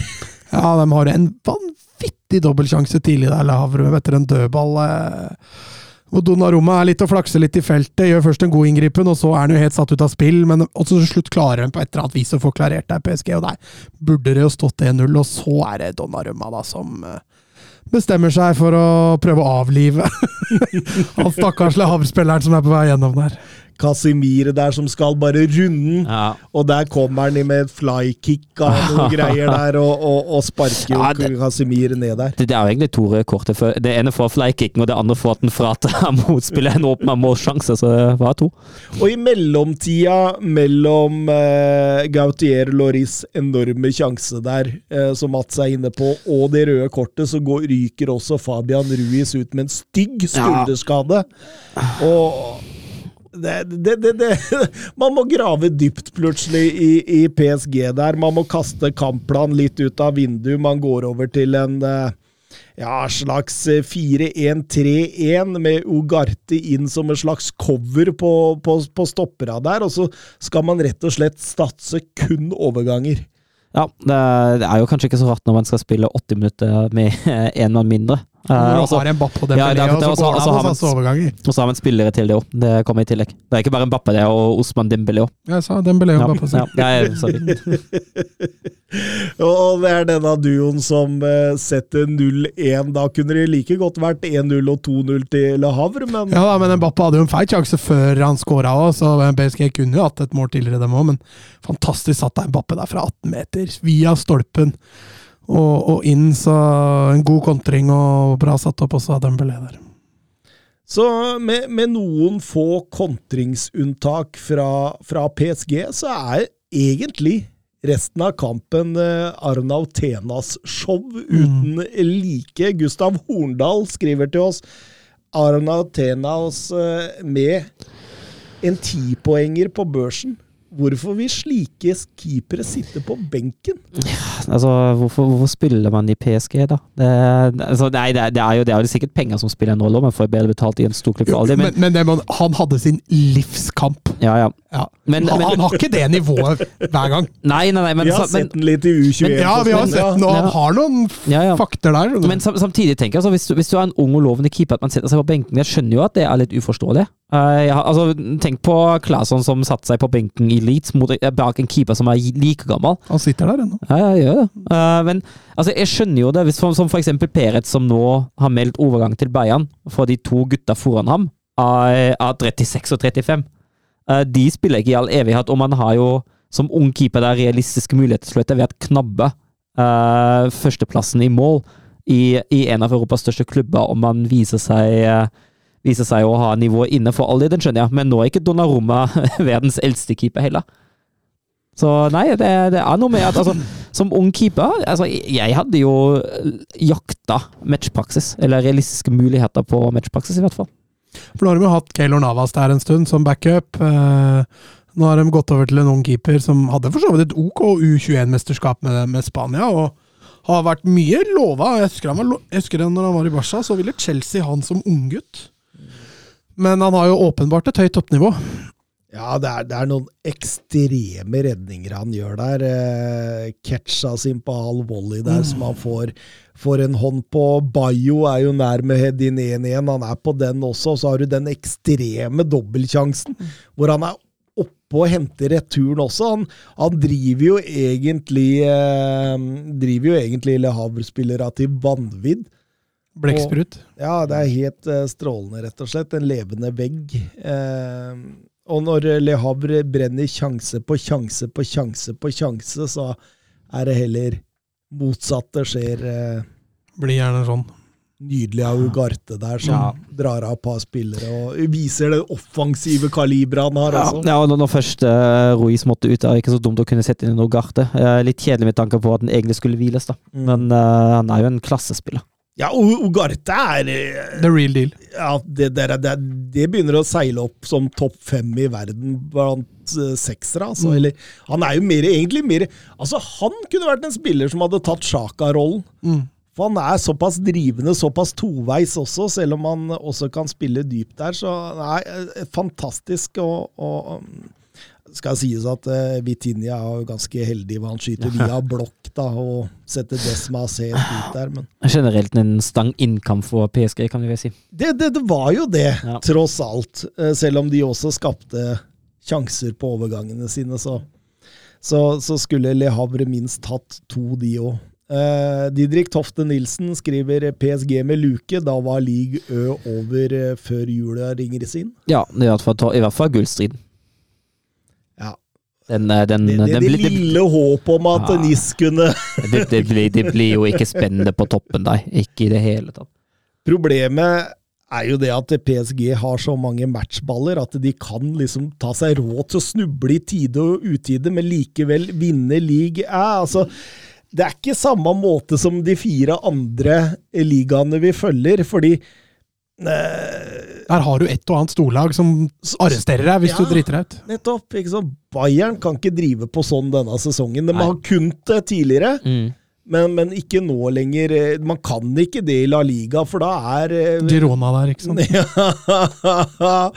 I Italia så er det jo så tett oppi der at du må liksom på en måte ta alle poenga, og samme i Premier League. Så det er, PSG er i en sånn posisjon hvor de kan ta seg råd. og når de i tillegg også denne sesongen syns jeg ser mer stabile ut. da. Bedre organisert, bedre med ball, mer klar plan. Jeg syns Luis Henrique vi har gjort en strålende jobb der, rett og slett. Så Jeg føler han altså han kom litt i dekka bord etter at Messi og Neymar dro. Altså. Ja, Han har det- fått litt enklere forhold enn det forrige trener hadde. Ja, og så har man fått inn Ugarte, som Ja, det hjelper. driver den midtbanen, altså. Eh, Lans vinner 3-2 mot eh, Lyon. Fabio Grosso var ferdig etter bare tre måneder i klubben før dette. Surprise. Pierre Sarge tok over midlertidig. eh, Men uh, uh, det, det laget Altså uh. ja, altså, vi snakka jo om kan de rykke ned? Vi var litt uenige i forrige, forrige runde, men Ja, men altså Det som er problemet der nå, da, som selvfølgelig taler for et den Erik, er at det er ikke noe stabilitet der. Eh, og det, det, det er vanskelig å skape noe når det ikke er noe stabilitet. Og du nevnte jo det at man antageligvis kanskje må selge en spiller i, i vinter òg, får ikke erstatta det. så det er veldig vanskelig å bedømme den situasjonen der. Samtidig så har de noen kvalitetsspillere som nesten på egen hånd kan redde det, så det er veldig vanskelig. så blir det spennende hvem skal komme inn nå og redde denne skuta. Hvem er det som får det ansvaret? Jeg, de Conte. kan jo ikke Alt er Conte, vet du. Det er Grimaldo. Grimaldo. Få inn Grimaldo, så går det seg. Eh, Nantes vinner litt overraskende over NIS 1-0. De måtte ta 14 kamper før det første tapet til NIS kom i ligaen, eh, Døpker. Ja, det var det siste ubeseirede laget òg, så nå har alle lag i hvert fall tapt én gang. Det er godt. Men, eh, men sterk prestasjon av Men igjen, 1-0, ikke sant? Altså Ja, men det er jo det i marginen. Ja, ja, ja, det er akkurat det. Det er akkurat det. Så Om vi ikke skårer, så blir det vanskelig. Ja.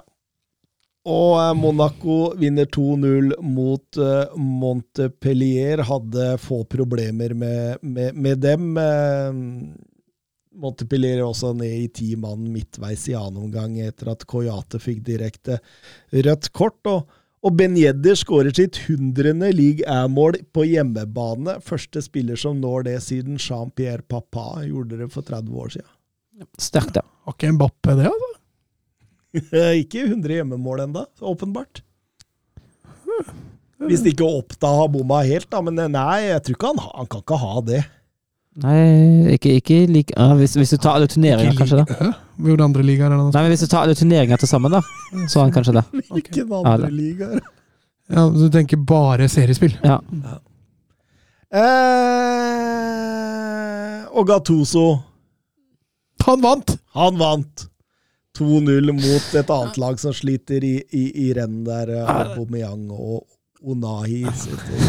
De hadde jo, de hadde jo, hadde jo også kriseklubbmøte mot Ajax i eh, Europa League uh, på torsdag. Det blir jo en spinnvill kamp. Da Montpellier, nei, unnskyld, Marseille vant eh, 4-3 til slutt. To strake nå, To altså. strake, ja. Og nå er han på glid! Det blir spennende i toppen i ligaen, dette. vet du. Eller ligaen. Hvis, hvis eh, Marseille kommer seg opp dit, da, da, da skal Gattuso få godkjent. Og du skal ikke sykle noe sted, altså. Ja, faktisk. Hvis, det, hvis han er med å true PSG dette året her, da skal jeg faktisk sykle. Da skal jeg sykle til Marseille. Eh, Litt europahjørne før vi gir oss. Bra jobba, gutta! Bra ball! Nei! Ah, grei offside. Tor Håkon, den er grei. Tor Håkon! Nei, Tor Håkon, det var din egen skyld. Ikke bli sint for det, i hvert fall. da. Tor Håkon, Ikke kjeft på dommeren, og ikke kjeft på dommeren. Tor Håkon, nå hører du på dommeren. Er hver gang, altså. Hver gang. Ja, Mats, du fortalte før vi gikk på sending at jeg har ingenting i europahjørnet i dag. Nei, jeg har brukt helga mi litt forskjellig, så jeg har ikke rukket å få sett noe særlig utenfor de lille seriene vi følger, og Eliteserien, som jeg selvfølgelig måtte få med meg. Eh, Søren eh, Ajax, jeg så dem spilte eh, kamp denne runden. Men Ja, du har også fått noen spørsmål der, så du, du kan jo begynne med Ajax. Ja, jeg kan begynne med, jeg kan ta det fort. eh, Borte mot uh, Nijmegen. Uh, eller Nijmegen. Uh, styrer egentlig kampen av, av det beste laget. Sliter litt med å komme til sånne ordentlig store sjanser. Men det, det er Det er, det er konstant uh, overlegen. Det er avslutninger. og etter 57 minutter så setter Lynson eh, 1-0, og så setter Borges 2-0 etter 88. Tafsan, eh, Tafsan slår tilbake med 1-2 etter 90, men det er en eh, Tarzan? Tafsan. Tafsan. Svenske versjonen av Tafseren. Er det en voldtektsmann? Nei, men han, eh, han skårer 1-2. eh, Men Ajax vinner fullt fortjent eh, 2-1 borte mot eh, Og ligger da nå med 18 poeng etter 13 kamper på, på åttendeplass, men har en kamp mindre spilt. Fortsatt på grunn av den, eh, den i, eh, i Valveik som blir avbryt. Mm. Mm. André Solberg og Endre Tengren, det er flere som spør her. eh, PSV mot poengrekord 14 av 14. Hvor Ja. imponerte er vi? Ja, det er fryktelig imponerende. Altså, de, de marsjerer jo gjennom, uh, gjennom Eredivisie, og eh, det, det, det er ikke bare ubeseiret, de har vunnet faktisk 14 av 14. Det er tre kamper til, så har de, så har de gått en halv serie med kun seire. Uh, satt riktignok litt lenger inne mot Feyenoord. Det var ikke en, uh, en overlegen seier, det var en uh, forholdsvis jevn kamp, da, da PSV slet med en uh, med en vanlig denne sesongen her, men det, er et, det er et lag som, som leder fullt fortjent og, og overlegen i uh, Eredivisjon. Nå er det ti poeng ned til andreplassen. Feyenoord tolv til uh, AZ, som riktignok har en kamp mindre spilt, så det kan bli ni. Men uh, det er nesten sånn, altså i den formen som de er nå, det er nesten sånn å dele ut gull allerede, altså. 56 i målforskjell Ja, det er helt sykt. på 14 kamper. Det- det helt skårede mål. Og det, det, viser, det viser jo hvor gode de er i begge retninger. Altså, de er De skårer voldsomme mål, og de slipper ikke inn. Hvor vanvittig god trener Peter Bors er.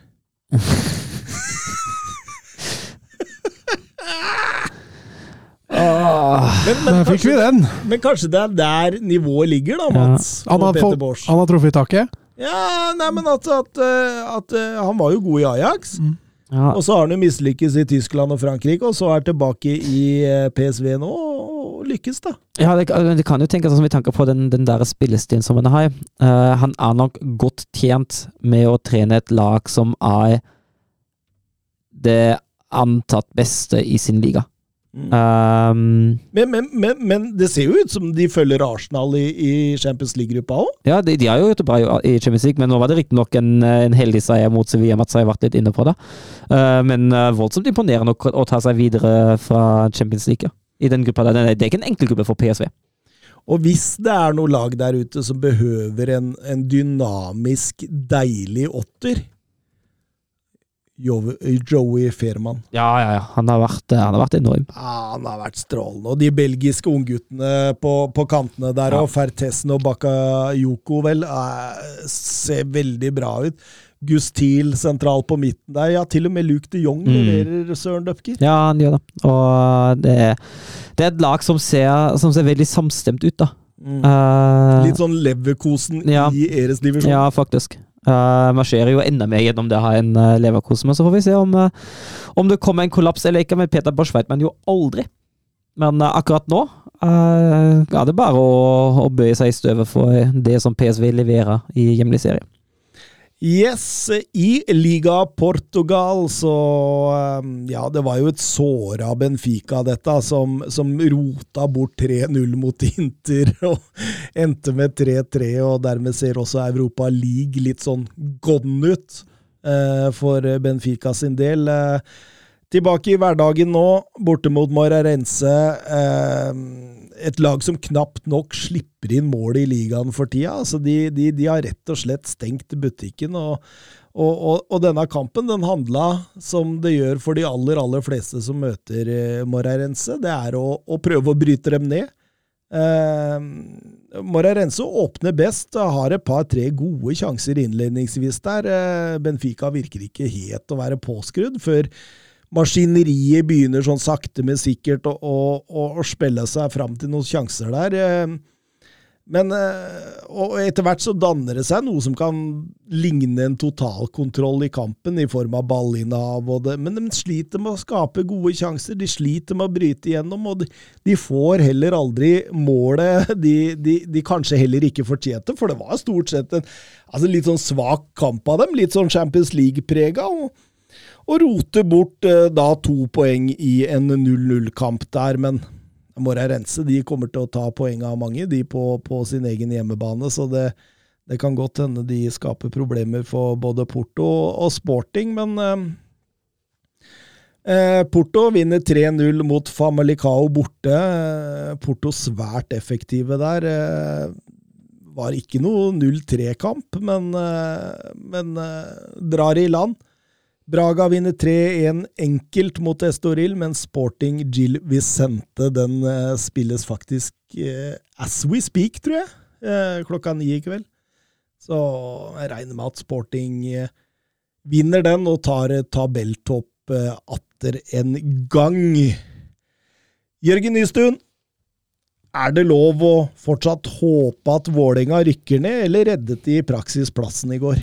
Så, man kan jo håpe så lenge kampen er spilt, men uh, altså Fotballen er rund, sier Fotballen er rund, ja, ja. Men altså, jeg, jeg, må innrømme at jeg, jeg fikk meg en, eh, en voldsomt nedtur i går, etter at de kom seg til kvalik. For for meg Altså jeg har litt vanskelig med å se at KBK eh, tar dem over to kamper, da. Uh, ja, men Dupker, da blir det Derbys neste, neste uh, år og ja, neste uke.